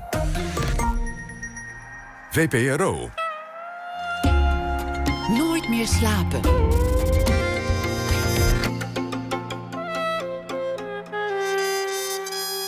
Met Pieter van der Wielen. U luistert naar Nooit meer slapen. Pornopera wordt het genoemd. Een uh, opera over het uh, menselijk orgasme van componist Juba de Graaf... die eerder een opera maakte over apengeluiden. We gaan uh, zo meteen langs bij de repetitie. Maar we beginnen met Arie Storm. Hij is schrijver en criticus. En deze week zal hij elke dag een verhaal voor ons schrijven... en dat s'nachts voordragen. Hij heeft meerdere boeken geschreven. De laatste was Maans Stilte. Goeienacht, Arie. Ja, goeienacht, Pieter. Vertel. Waar gaat het over? Um, nou, ik las vanochtend in de Volkskrant een stuk met als uh, kop... en dat trok natuurlijk meteen mijn aandacht... Lezen is een feest, ook in de klas. En het gaat over het fenomeen van de schoolschrijver. Ik weet niet of je daar wel eens van gehoord hebt. Ja, dat, dat zijn dan, dan professionele schrijvers die eens langsgaan op, op een school... om met de leerlingen over uh, literatuur te praten. Nou, het, het zijn heel een beetje anders. Het zijn kinderboekenschrijvers. Dat zijn ook professionele schrijvers natuurlijk, maar kinderboekenschrijvers. En die uh, brengen op de kinderen in de klas enthousiasme over voor lezen, schrijven, verhalen en taal. Dus, dus ze praten niet alleen over literatuur, maar die kinderen moeten vooral zelf aan de slag gaan. Dus moeten zelf verhalen gaan schrijven. En de, de onder, kop, of in de volkskrant staat ook... verhalen zouden een rol moeten spelen in het leven van ieder kind. Dat is lang niet op elke basisschool het geval, de schoolschrijver langskomt. En er staat een foto bij van Lydia Rood. En toen dacht ik, dat zijn natuurlijk hartstikke leuke kinderboekenschrijvers die langskomen. Maar stel nu eens dat er een enorme chagrijn langskomt. Iemand als Louis Ferdinand Celine of zo. En uh, toen heb ik dit verhaal geschreven. Ik ben benieuwd, ga je gang. J.D. Salinger. Het gaat over een jongen die geen leuke dingen in zijn leven heeft. En hij moet een werkstuk maken over zijn leven, maar hij had bijna niks. En toen kreeg hij straf van de juf. Jerry luisterde ongeïnteresseerd naar wat Youssef vertelde. Youssef had het verhaal op een A4'tje moeten inleveren. Bij hem, Jerry. En dan had Jerry hem heel misschien het verhaal laten voorlezen... en had hij oplettend naar hem geluisterd. Maar Youssef had weer niets bij zich gehad... En nu vertelde hij zijn verhaal zogenaamd uit zijn hoofd. Een verhaal dat hij duidelijk ter plekke verzon. Het was allemaal begonnen met een telefoontje. Jerry zat in zijn onderbroek op de bank televisie te kijken. Zo bracht hij zijn dagen door. Zo bracht hij al jaren zijn dagen door. Niemand had zijn telefoonnummer, had hij gedacht. En misschien was hij er daarom ingetrapt en had hij ja gezegd. En nu was hij dus de schoolschrijver. Is dat alles wat je hebt? vroeg hij aan Youssef. Youssef keek hem beteuterd aan. Je moet iets aan je werkwoord voor me doen, zei Jerry uiteindelijk, nadat hij een tijdje uit het raam had gestaard. Je haalt alle tijden door elkaar. Was dat eigenlijk wel zo, vroeg Jerry zich af. Wat maakt het uit? Nu doorzetten. Als je je eenzaam voelt, dan heeft het een bepaald therapeutisch nut om je daaruit te schrijven. Vermijd woordherhalingen. Je gebruikt in dat korte stukje twee keer het woord leven. Had er nog iets over op te merken? Schrijf niet over feiten. Meng je eigen ervaringen er doorheen. Bouw je verhalen zorgvuldig op. Trek je niet te veel aan van de kritiek en al die psychoanalytische onzin. Youssef knikte. Meneer, zei een meisje op de eerste rij. Ja, het is uw laatste les hier. Ze zweeg even en riep toen... Jerry Knuffel. De klas stormde naar voren. Jerry werd omringd door kinderen. Er brak iets in hem. Dankjewel. Dat is een mooi thema dat zelfs de meest cynische schrijver zou breken door de onschuld van kinderen die hem willen knuffelen Ja, wanneer ze ja. daar komen. Ja, die slotzin daar dacht ik wel even over na. Want ik dacht, hij moet of positief zijn of hij moet negatief zijn. Je kunt maar twee kanten op in dit geval. En je koos voor het positieve, ik toch? dacht, ik, ja, het is tot laat in de nacht. En ik, ik zag op de foto in de krant zag ik die lieve Lydia Roos staan. En die, die wordt inderdaad in een soort gro- groepsknuffel genomen door al die kinderen. En eh, ja, dat laat niemand onberoerd. Ik dacht, dat laat zelfs Stellentje niet onberoerd. Nee, of het had ook eh, of, Wellebeck eh, kunnen zijn, of, of, of noem er maar eentje. Ja, nou ja, Want er zijn nogal wat cynische schrijvers geweest in de geschiedenis. Ja, nou ja, dat, dat is toch wel een verschil tussen met, met de kinderboekenschrijvers blijkbaar. Nou ja, Roald Dahl kon ook wel, kon ook wel zagrijnig zijn, geloof ik. Ja, die hebben geleerd om dat af te leggen als ze dan naar zo'n zo'n zo'n onderwijsinstelling toe gaan. Om, om daar dan eventjes de vrolijke lieve opa uit te hangen. En dat Ja. cynisme even in de, in de Opel Kadett te laten liggen. Ja, en weet je wat ik ook een beetje raar vind? Ik bedoel, het is natuurlijk een prachtige instelling hoor. Ik, eh, ik ben helemaal niet tegen of zo. Maar eh, dat, eh, die gedachte dat verhalen een rol zouden moeten spelen in het leven van ieder kind. Ehm, mij zou het een beetje afstoten als kind. Want ik, ik lees of ik schrijf niet om verhalen of verhaaltjes te vertellen. Want verhaaltjes, dat ligt toch gauw in het, eh, in het verlengde van verhalen. Maar om een soort waarheid boven tafel te krijgen. Dat kun je misschien niet loslaten op kinderen van tien, deze gedachte.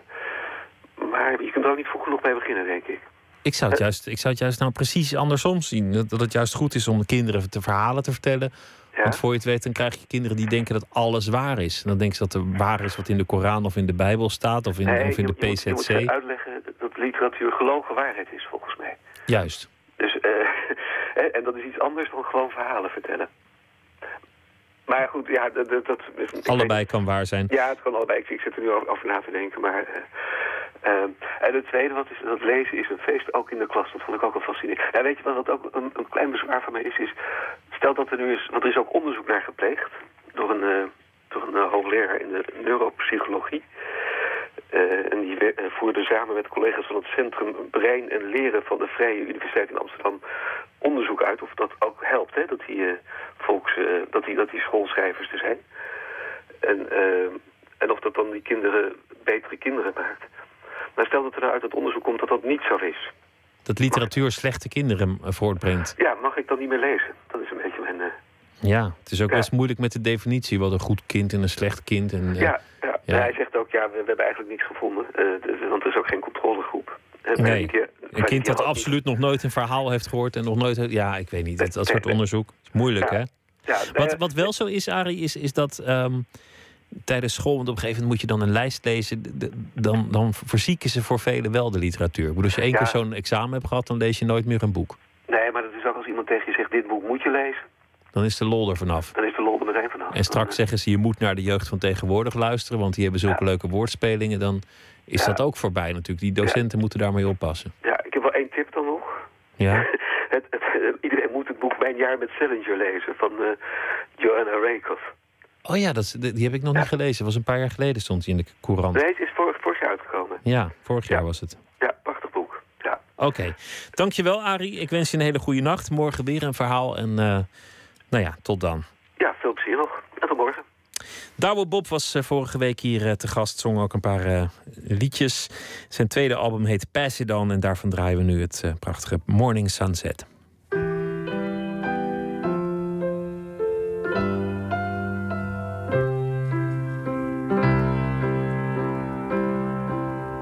Wind's blowing cold, rain in your face. Shelter your soul, get to the place, follow your heart,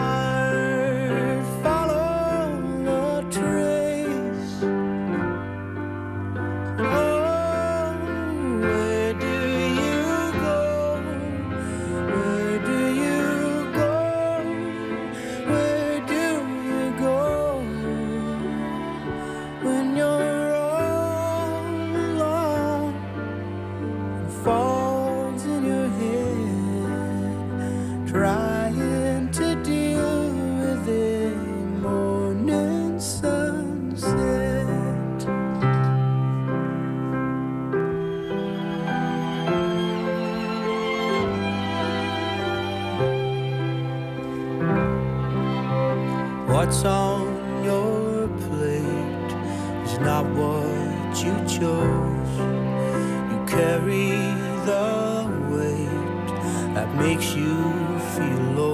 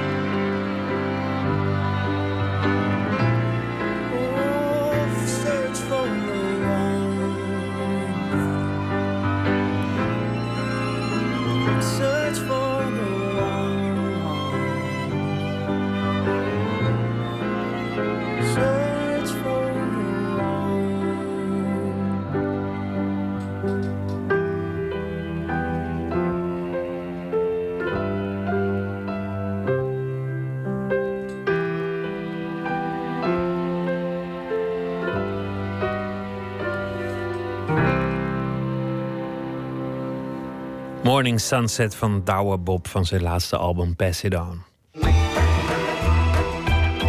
Nooit meer slapen. Pornopera is de titel. Een opera geheel en al gewijd aan het menselijk orgasme van componiste Huba de Graaf. Zij probeert uiteindelijk te onderzoeken wat de oorsprong is van zang. Een paar jaar geleden bedacht ze daarom de Apera, gebaseerd op eh, de zang van apen. En eh, nu is de beurt dus aan het eh, gekreun, het geheig, het gesteun en het gegil dat samenkomt met het orgasme. In de hoofdrol Hans Dagelet eh Soetkin de Meij. Aanstaande vrijdag gaat het in première tijdens de operadagen in Rotterdam. Verslaggever Nicole Terborg die ging erop af en sprak de componist bij een repetitie in het Internationaal Danstheater in Amsterdam. Vandaar dat, sto ab- abrupt stopte. Aan het eind van de loop? Ja, nee, het was geen loop. Het was geen loop nog, dat moet nog worden. Vandaar hij stopte, hij was klaar. Hans, geef jij de cue? Toen ik onderzoek deed, zat ik dus achter mijn computer, eh, koptelefoon op, alle audiofragmenten helemaal af te luisteren. Maar ja, dan ga je het allemaal meedoen, hè? Dan ga je op een gegeven moment. eh, eh, je gaat meekreunen, maar dat heb je niet in de gaten als je zelf met de koptelefoon op. Maar, maar de rest van het huis wel hoor. Oh my god. Oh my god. Oh my god. Oh my god. Oh my god. Oh my god. Ik was op zoek naar zang. Wat is zang? Waar komt het vandaan? Eh, dus was er eerst de een lang verhaal. Toen bedacht ik, wat zit er dan voor zang? Hoe werkt dat technisch? Vlak voordat iemand begint te zingen, vooral iemand die niet getraind is, dan zit er een stukje kreun. Dus als je, als je, oh, je hoort eerst voor bij mij oh, een klein kreuntje. Dat is dus, eh, wordt heel erg gecultiveerd in popmuziek. Weggekweekt bij klassieke operazangers. Maar ik wou daar meer over weten, over die kreun en hoe dat dan werkt. En nou, eh, dan ga je uitzoeken waar, waar wordt er veel gekreund. Eh, de tenniswereld.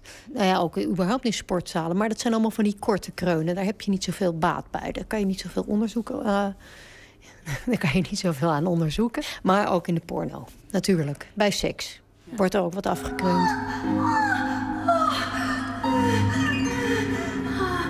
Ben zelf helemaal niet een porno-liefhebber. Het doet mij helemaal niks, maar dat geluid is natuurlijk wel fascinerend. Ik ben ze allemaal gaan fileren. Ik ben ze echt helemaal in losse stukjes en brokjes gaan knippen. Wanneer wordt er geheigd? Wanneer, wordt er, wanneer is het alleen maar adem? Wanneer doet iemand inhaleren? Wanneer is het een liggende kreun? Een kreun die zacht is? Of een perskreun, die heb je ook nog. maar je hebt dus een liggende kreun en een kreun die daalt. Er gaan haast nooit dingen met kreunen omhoog. Ik vond het nu wel mooi werken dat zij daar staat en dat die wind... Misschien niet zo, niet zo woep als een soort effect, maar meer dat het... Op het podium zien we Hans Dagelet, Soetkin de Meij...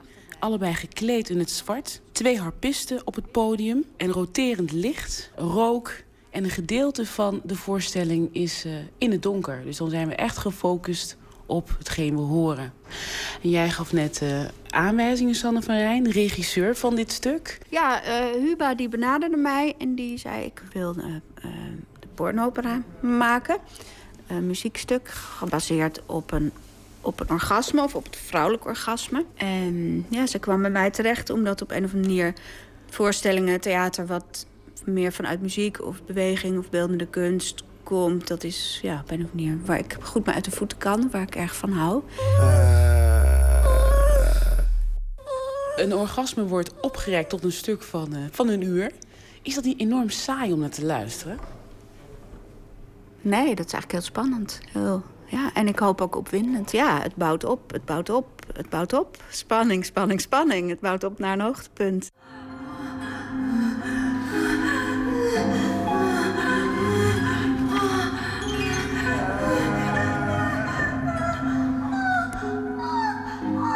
Het zijn drie delen waarop het stuk gebaseerd is. Deel 1 is de Ovidius-mythe, waarop uh, het geheel gebaseerd is. Het gaat over het meisje Mira, die verliefd is op haar vader... en haar grootste wensen, en daar is ze bezeten van... om met haar vader naar bed te gaan. Tegelijkertijd voelt ze dat dat iets is wat niet kan. Wat uh, verboden is bij mensenwet. En uh, ze zit daar erg mee. Ze, het lukt er wel, met medewerking van haar voedster. Op die mythe is uh, de Mira-mythe, daar is het stuk op gebaseerd. Dat vertel ik, dat is deel 1. Deel 2 is het liefdesspel tussen de vader en de dochter. Van voorspel tot en met orgasme. Op muziek gezet. 3 is uh, Mira die alleen overblijft. En in de mythe van Ovidius verandert Mira in een boom. Bezwangerd door haar vader en werpt alsnog een kind. En dat is Adonis.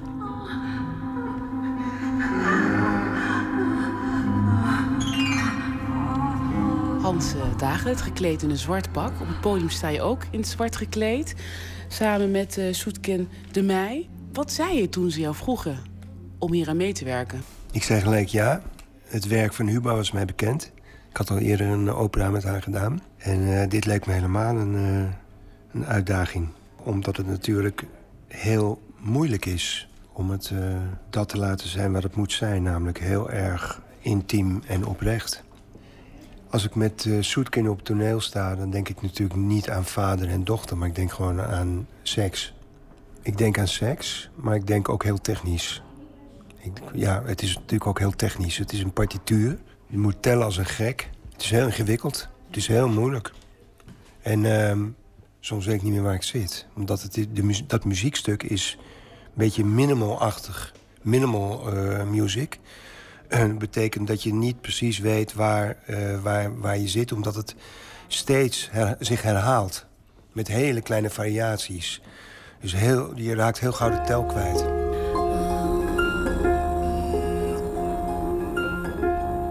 En dat is eigenlijk ook waarom ik ervoor heb gekozen... om het toch ook echt als muziekstuk te anseneren.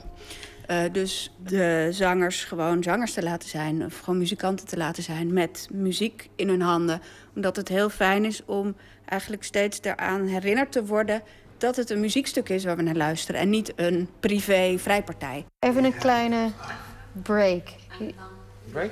Nee, nee, zij, zij doen dat. Ah, begin maar nu, Fit. Zoetkin de mei, fysiek lijkt het me ook zwaar. Heb ik dat goed of niet?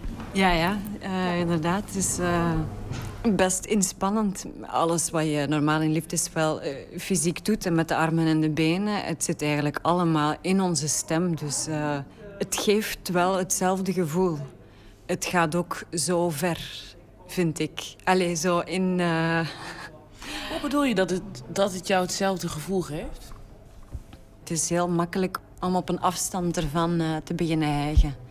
Dat je naar jezelf zit te luisteren van, eh, van eh, het moet een goede hijg zijn, terwijl het eigenlijk zo natuurlijk mogelijk moet zijn.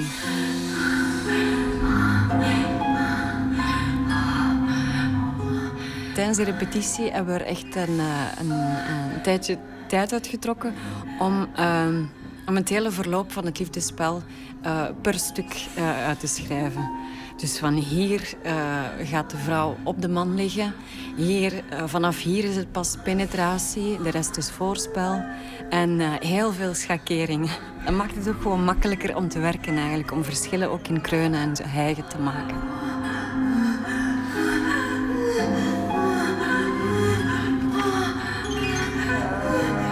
Pagina na pagina moeten ze exact. Nu deze kreun, dan deze inhaleer. En dan herhalen. Dus niet, niet, want ah, dan wordt het muziek. Als je gewoon nou, één keer eh doet, dat zal best. Maar als je. eh, eh, eh, dan is het muziek.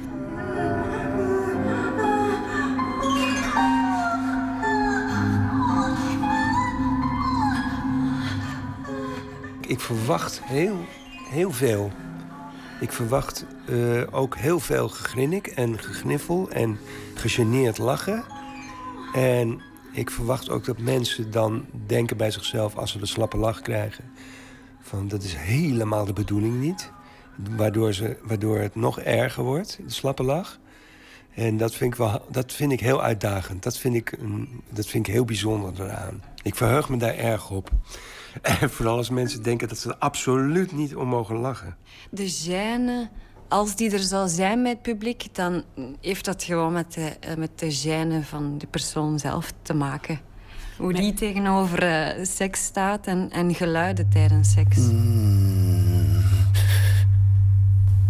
Ah. Hey, hoe vinden jullie dat straks dat eh, jullie familie lekker in de zaal zit? Maakt dat dat uit? Of hoe zien jullie dat? Mijn familie, mijn vrienden zijn al wat gewend van mij. En hoe zit het met jou als je denkt, familie komt lekker in de Eh, zaal zitten? Voor je mij is dat iets anders, want mijn familie heeft wel de nodige schroom. Die moet wel de nodige schroom overwinnen. Ik vroeg wie wil volgende week komen luisteren of kijken. Niemand... eh, Niemand gaf enige sjoegen. Ze vinden het gewoon toch heel eng om hun vader zo te zien. Dus iedere keer toch wel weer eh, moeilijk.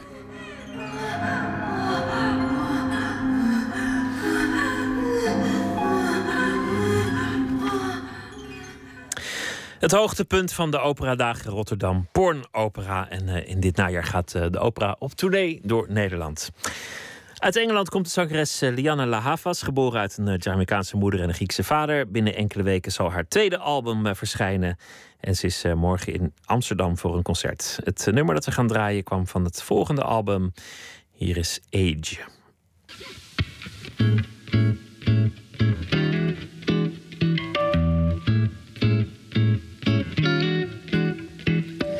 Why do I love him? He don't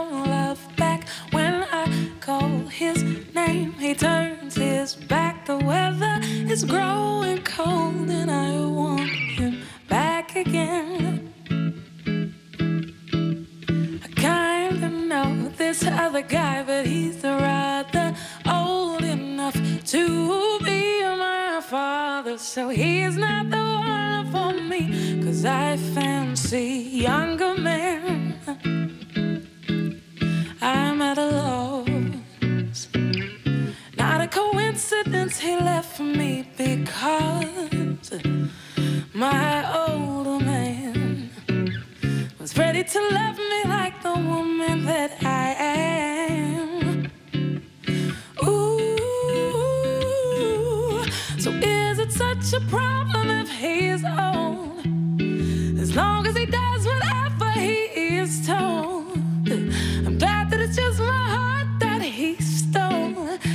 Left my dignity alone.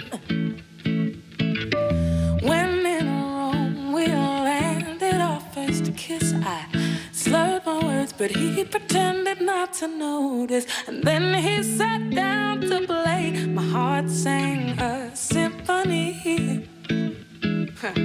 So far, so swimmingly. I'm glad I got out to find my fish in that sea. And we've come so far. So who gives a damn about the ages we are? Ooh, so is it such a problem if he's old? As long as he does whatever he is told. I'm glad that it's just my heart that he stole and left my dignity alone.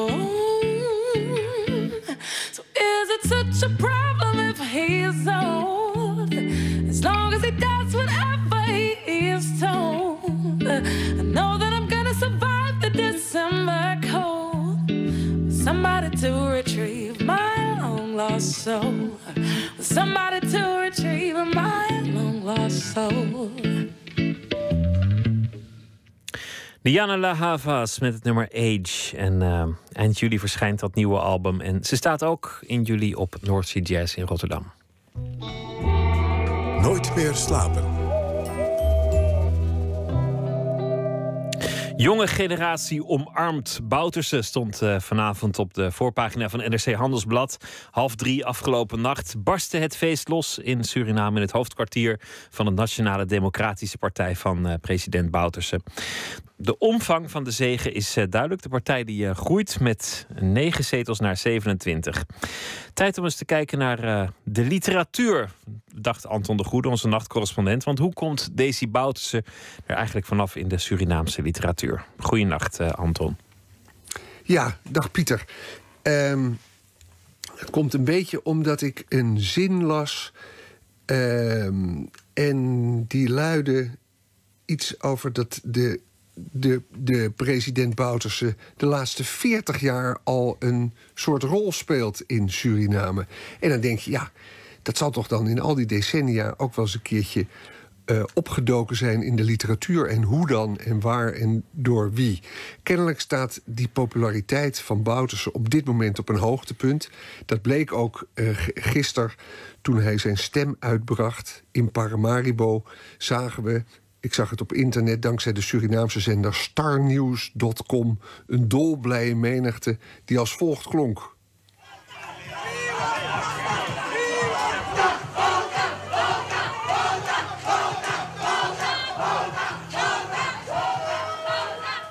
Ja, wonderlijk. een gejoel. Ik, ik weet dat dit heel veel ehm, Nederlandse Surinamers of, of Surinaamse Nederlanders eh, steekt.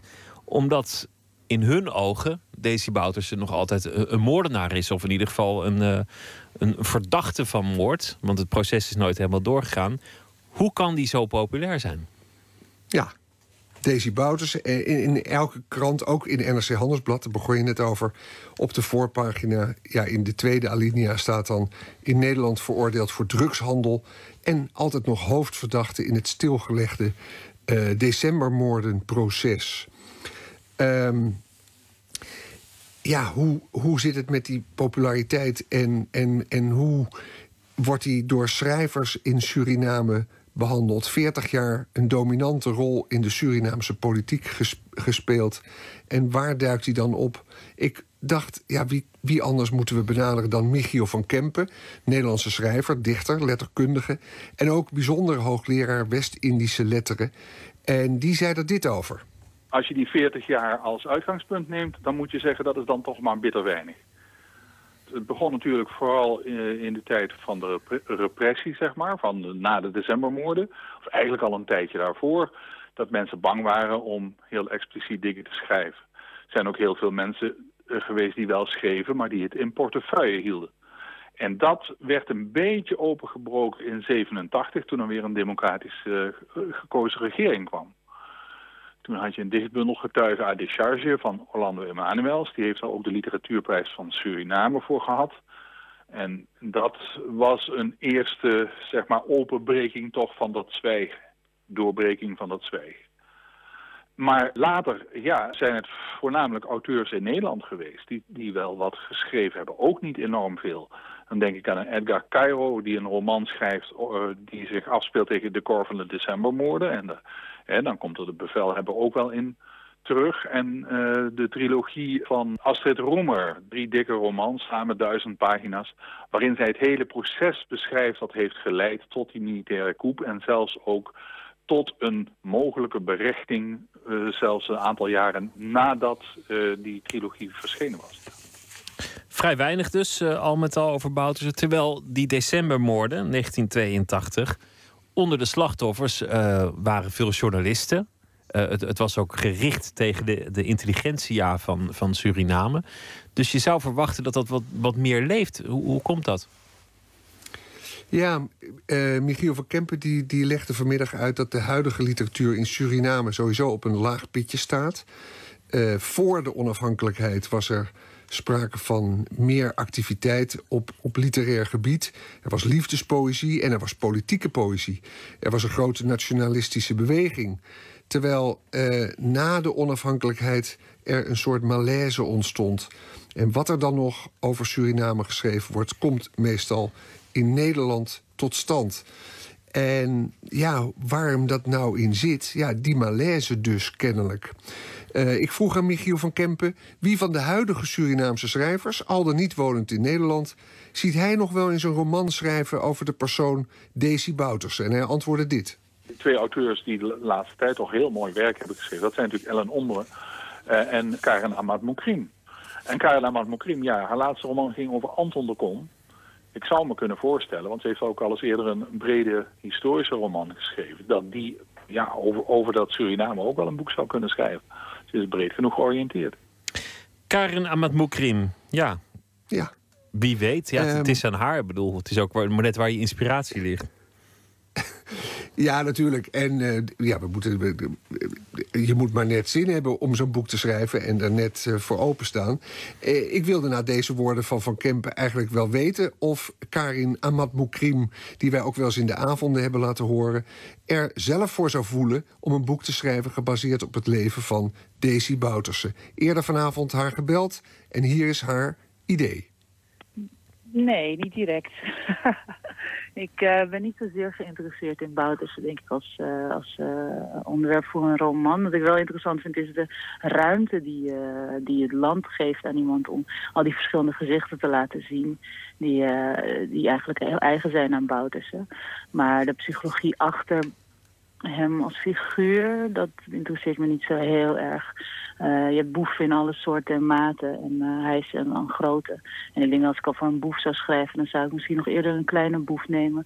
Omdat ik dan um, uh, nog wat interessante details erachter zou kunnen tonen. Dus ik vind het wel interessant om te zien hoe Suriname als geschiedenis en als samenleving...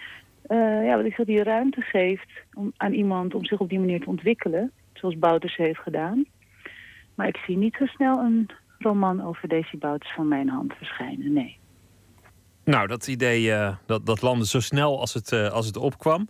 Toch is het interessant hoe, een, hoe een land omgaat met het verleden. Want het, het lijkt alsof er een generatie is in Suriname die denkt... ach, dat verleden, dat was toen, ik wil er eigenlijk niks van weten. Het, het interesseert me niet zo en het zal allemaal wel. Is vast iets mis met die man, maar er is ook vast iets goed met die man. Het, het lijkt wat schouderophalend te gaan, mm -hmm. de, de geschiedschrijving.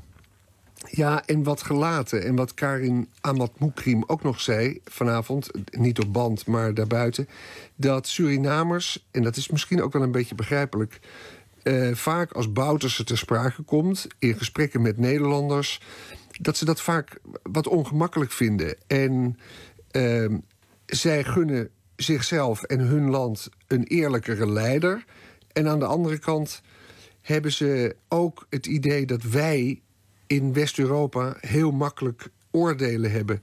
Uh, en, en, en, en, en ja, makkelijk kunnen veroordelen die Bouterse. En ja, zij zitten in het land. En Bouterse heeft de laatste jaren eh, veel tot stand gebracht. Ook wel heel veel geld uitgeven. Misschien op de korte termijn veel resultaten geboekt.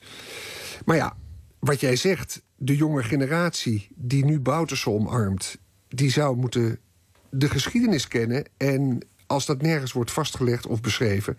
Ik wil niet zeggen dat de schrijvers een taak hebben, maar het is jammer als het niet gebeurt. Je zou willen dat eh, een Anniette van der Zeil of Joris van Kasteren misschien. eh, in die stijl van de literaire journalistiek. een keer een mooi boek zou schrijven. wat een groot publiek aanspreekt. eh, over Daisy Bouterse. Ja, ik geloof trouwens niet dat het echt iets is van de Nederlanders en, en de Surinamers. Want heel veel Surinamers van, van de eerdere generatie. eh, en veel Surinamers die toen gevlucht zijn uit Suriname. eh, die, die steekt het enorm. Dat, dat, dat heb ik van alle kanten gehoord. Dat, dat Bouterse toch min of meer gerehabiliteerd lijkt. Dus, dus ik geloof niet dat het echt iets is van de Nederlanders dringen dat eh, verleden maar op en de Surinamers willen er vanaf. Volgens mij ligt dat. Nee, dat is zeker. Dat, dat ligt genuanceerder. Maar dat het een, een, een, een, een ongemakkelijk onderwerp is. Ik geloof dat ik het ook laatst met Ellen Ombre in Nooit meer slapen over Bouters heb gehad. En toen. Ja, natuurlijk veroordeelt ze hem. En natuurlijk vindt ze het vreselijk dat die man daar zit. Maar ja, ze zijn toch ook geneigd om te zeggen... hij heeft niet alleen maar slechte kanten. Er gebeurt nu ook veel goeds, et cetera, et cetera. Juist. Dankjewel, Anton de Goede. En een eh goede nacht. Goeienacht, Pieter. Uit Kentucky komt meer dan kip alleen. Ook bijvoorbeeld de gitaargroep My Morning Jacket. Hun laatste album heet The Waterfall. En we gaan luisteren naar een eh, mooi liedje daarvan, Like a River.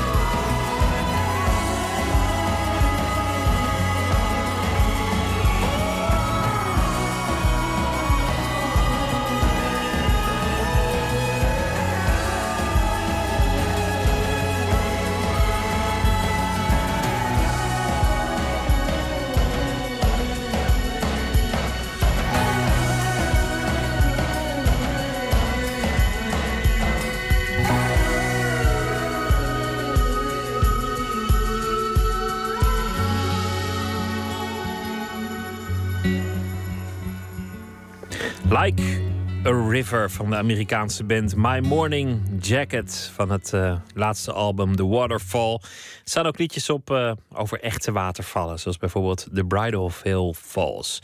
Maar dit was ook een uh, mooie Like a River. Nooit meer slapen. Stad der Blinden. Het was ooit een, uh, een bestseller van de Nobelprijswinnaar José Saramago. Inmiddels uh, is er ook een theatervoorstelling van gemaakt die te zien is in Utrecht. Ging daar vanavond in première. Het gezelschap Theater Utrecht, onder leiding van Thibaut Delpeu, heeft het boek nu op de planken gebracht. En dat doen ze in een bedrijfshal. Verslaggever Botte Jellema ging gisteren kijken.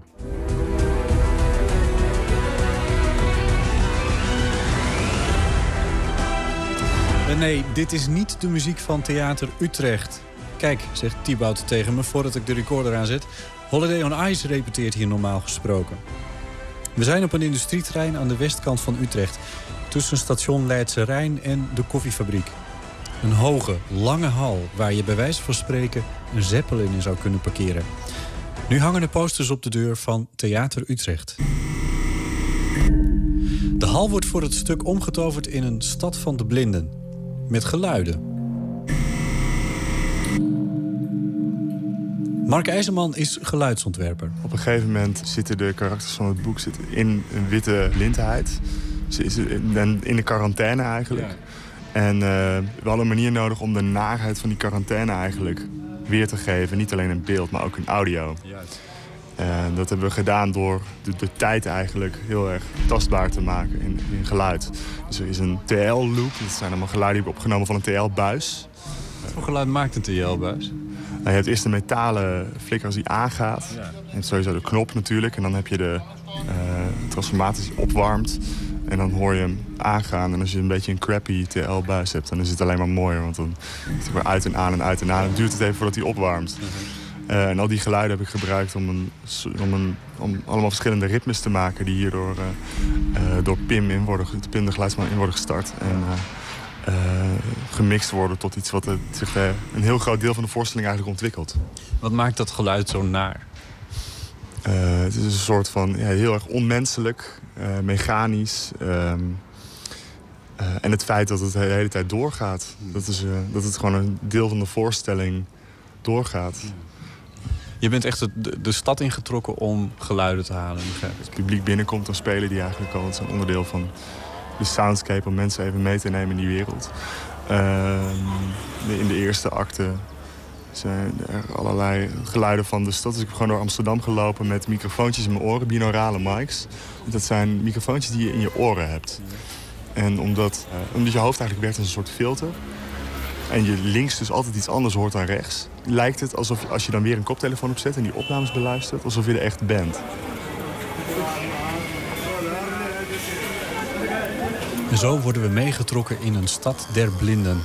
De Portugese schrijver José Saramago schreef het in 1995. En het gaat over een stad waarin een onverklaarbare epidemische blindheid uitbreekt. Artistiek leider van Theater Utrecht en regisseur van dit stuk is Thibaut Delpeut. Hij wilde Stad der Blinden graag op het podium brengen, maar had daarbij een probleem. Hoe maken we een voorstelling over allemaal mensen die blind worden? Dat is een lastige kwestie, want in wezen maakt het visualiteit heel problematisch. Wat is het dan meer dan een hoorspel? Of wat is het dan meer dan verteltheater... waarin die mevrouw die nog wel kan zien vertelt wat ze allemaal ziet? Nou, vertel het maar. Hoe heb je dat gedaan? ja. Nou, dat eigenlijk eh, sowieso door, door ervoor te kiezen dat zij de hoofdpersoon is. Meer denk ik dan Saramago. Dat is al één ding. Ze krijgt in het boek geen naam, maar is de vrouw van de oogarts. Iedereen om haar heen, ook de arts, wordt geveld door de mysterieuze blindheid. Alleen zij niet. In geluid en in muziek geven we wel heel duidelijk een beeld van de vertekende uh, belevenis uh, van de wereld om je heen die blinden hebben. Of vertekend. Misschien is hij wel accurater, dat durf ik niet te zeggen. Hij is in elk geval wel anders. In het verhaal worden de blinden in quarantaine gezet... waar de omstandigheden heel snel verslechteren. Er is weinig eten. De bewakers zijn bruut en er is slechte hygiëne. De, de quarantaine is ingedeeld in, in, in slaapzalen. En we wij volgen ook in de voorstelling, het boek doet dat hoofdzakelijk ook... eigenlijk een groepje mensen in één slaapzaal. En er is een andere groep in een andere slaapzaal... die eigenlijk van meet af aan besloten hebben... dat ze zich volslagen Het is echt een keuze. Dat ze zich volslagen immoreel opstellen en direct de keuze maken om ten koste van anderen voorbij alle grenzen van menselijkheid te komen aan eten. En ze houden het eten in en vragen daar de meest weerzinwekkende dingen voor terug. Eh, om, het, om het vrij te geven. De vrouw van de oogarts laat zich ook opsluiten. Aanvankelijk is ze bezig om zo goed en zo kwaad als het gaat te reageren op de situatie waar ze in zit. En ze houdt geheim dat ze kan zien. Dat doet ze omdat ze anders weet dat ze direct de slaaf van iedereen daar is. En ze probeert er het goede mee te doen. Maar tegelijkertijd staat ze machteloos ten over... Ja, ik bedoel, het is zoveel werk dat het eigenlijk voor haar eigenlijk niet te doen is. De vrouw van de oogarts probeert vast te houden aan voor haar belangrijke waarden en principes. Maar de tiran uit de belendende slaapzaal tergt haar tot het uiterste. En dan grijpt ze radicaal in. En dat doet ze door een moord te plegen. Dat is een moord om zichzelf en anderen te bevrijden. Maar ze pleegt hem wel.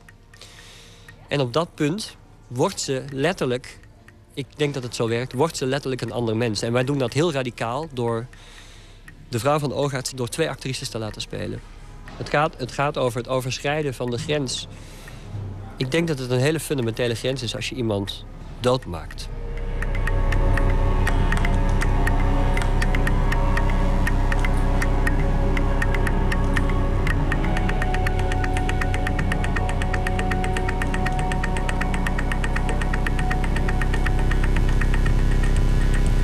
Voor zover ik weet maakt Thibaut altijd zelf de muziek bij zijn voorstellingen. Geluid is voor hem heel belangrijk. Geluidsontwerper Mark IJzermans kreeg de opdracht om de belevingswereld van een blinde te vangen. En hij liet zich daarvoor bijvoorbeeld inspireren door een verhaal over een blinde jongen uit Amerika. Hij had, een heel ander leven dan de meeste blinden. Want hij was altijd opgevoed met het feit van ja, je kan wel gewoon buiten spelen en dat soort dingen. En door te klikken met zijn mond kon hij met een soort echolocatie de ruimte scannen. Dus door de reflecties van de muren kon hij dan een mentaal beeld vormen van de ruimte. En dat vond ik ook wel een interessant idee. Om dus met die Een akoestiek... soort vleermuisje was hij, hè? Ja, precies. Daar heb ik tests mee gedaan en gekeken van... eh, oké, hoe kan ik dan die ruimte extra groot of extra klein laten lijken. En daar hebben we met Thibaut ook mee gewerkt. En uiteindelijk heeft dat zich vertaald in uiteindelijke voorstellingen naar... dat we soms werken met heel erg droog geluid en soms juist heel erg reverb. Maar dat is ook aan de, aan de mannen Dus van... de- meer of minder galm eh, inzetten om uit te beelden hoe groot een ruimte is. Of, ja. Ja, nu is het aan de rest, dus de afgelopen twee weken al... om het echt in die voorstelling in te gaan zetten. Het is wel interessant wat er dan met je materiaal gebeurt. Wat vond je het meest interessant eh, eh, wat je uiteindelijk hier toen terugzag? Vooral de synergie tussen het materiaal van Thibaut en van mij. We werken, werken met field recordings, daarmee ele- eh, muzikale elementen vinden... die lagen, die uitcomponeren. En, De field recordings, dat zijn opnames die je gewoon buiten in het veld maakt. of in de stad, waar dan ook. Ja, precies. Dus bijvoorbeeld mijn stadsopnames en zo. En die dan lagen met onder andere Thibaut's, Thibaut's meer elektronische geluid.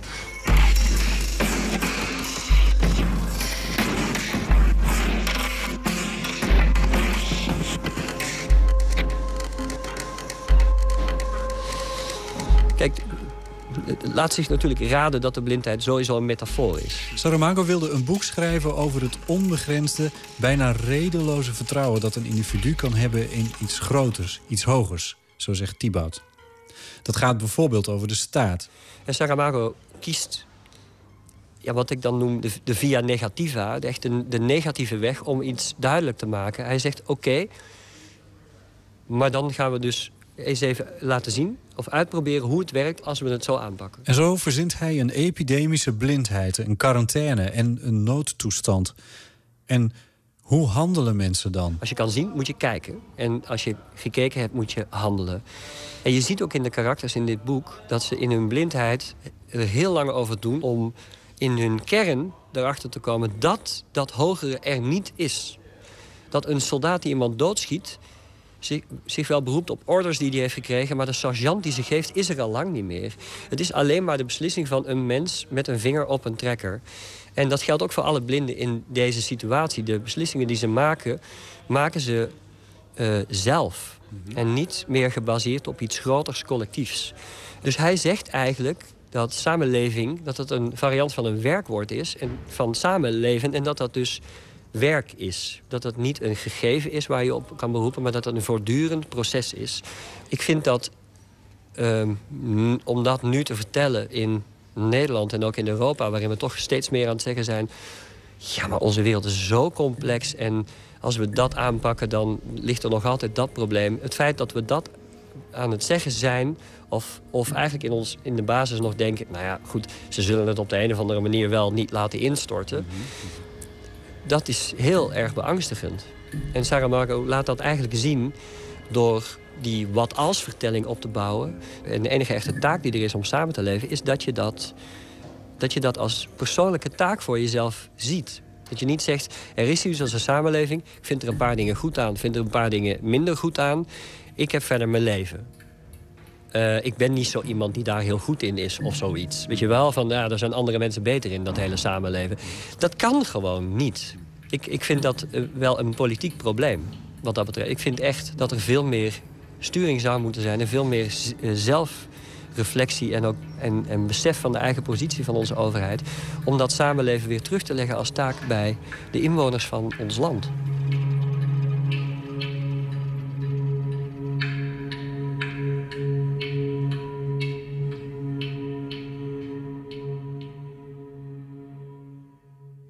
Nou, het begon wat minder episch dan met eh, Holiday on Ice. Regisseur Thibaut Delpeu. En eh, geluidsontwerper Mark IJzerman over Stad der Blinden. Bij Theater Utrecht eh, te zien. En eh, vanavond in première gegaan en nog te zien tot en met 6 juni. En daarna ook nog op Oerol op ter Schelling. En eh, Amsterdam en daarna Den Bosch. We gaan luisteren naar eh, Fits and the Tantrums, een soulgroep uit Los Angeles. In 2011 verscheen het eerste album, Picking Up the Pieces. En daarop vonden we Breaking the Chains of Love.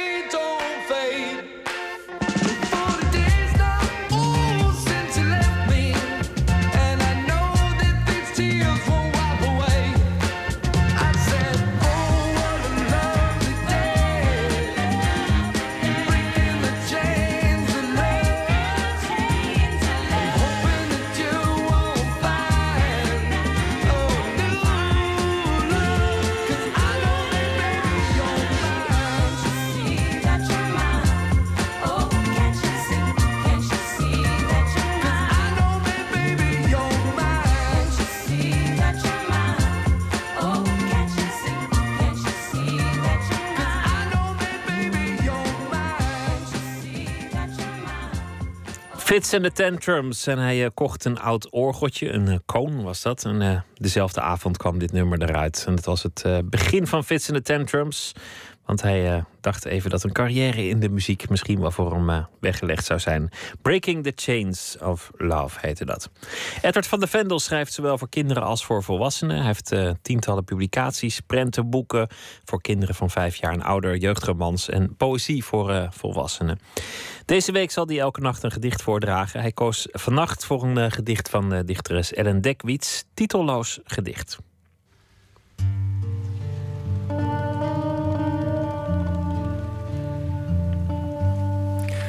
Ik lees een gedicht van Ellen Dekwits.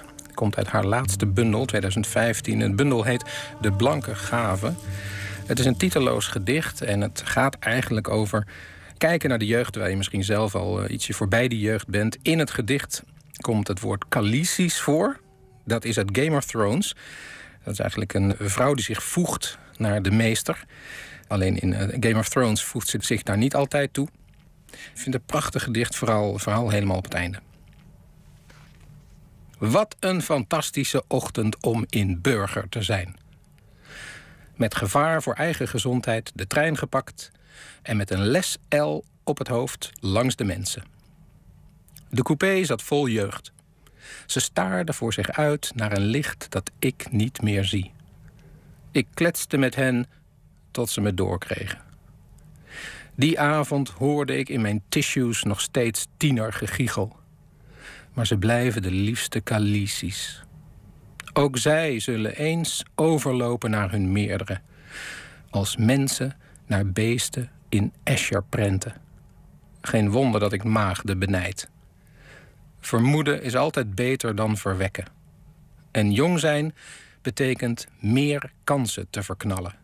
Niet zien dat je een bleke pit bleef toen de bolster openbarstte, wegwandelde Titelloos gedicht was dat van Ellen Dekwits uit haar bundel De Blanke Gave, voorgedragen door Edward van de Vendel. Morgen, morgennacht zal hij weer een uh, gedicht voordragen in Nooit meer slapen. Dan uh, zit hier uh, Mike van Diem. Hij is filmregisseur. Hij werd beroemd door zijn Oscar-winnende film Karakter. Dat is alweer 18 jaar geleden. En nu pas is er de tweede speelfilm De Surprise, met onder meer Georgina Verbaan in de hoofdrol. Een man die wil zijn leven beëindigen en wendt zich daartoe tot een bureautje die hem zal helpen, maar alles loopt uiteraard anders. Het is uh, gebaseerd op een uh, literair werk, namelijk een kort verhaal van uh, Bel Campo. En ja, de liefde komt erin voor en allerlei andere dingen. Met Van Diem ga ik morgen praten over zijn filmacademietijd, over het maken van films en natuurlijk die brandende vraag waarom het toch zo lang heeft geduurd voor hij met die tweede film is gekomen. Dat uh, morgen in Nooit meer slapen. Voor nu een hele goede nacht en morgen een leuke dag. En graag weer tot dan. Zometeen WNL met Nog Steeds Wakker met Ilan Hoekstra en Tim Dame. Ik wens u een uh, hele goede nacht en graag weer tot morgen.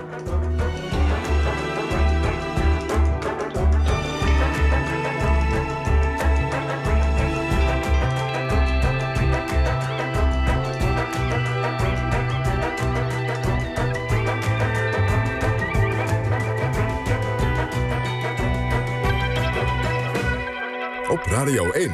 Het nieuws van alle kanten.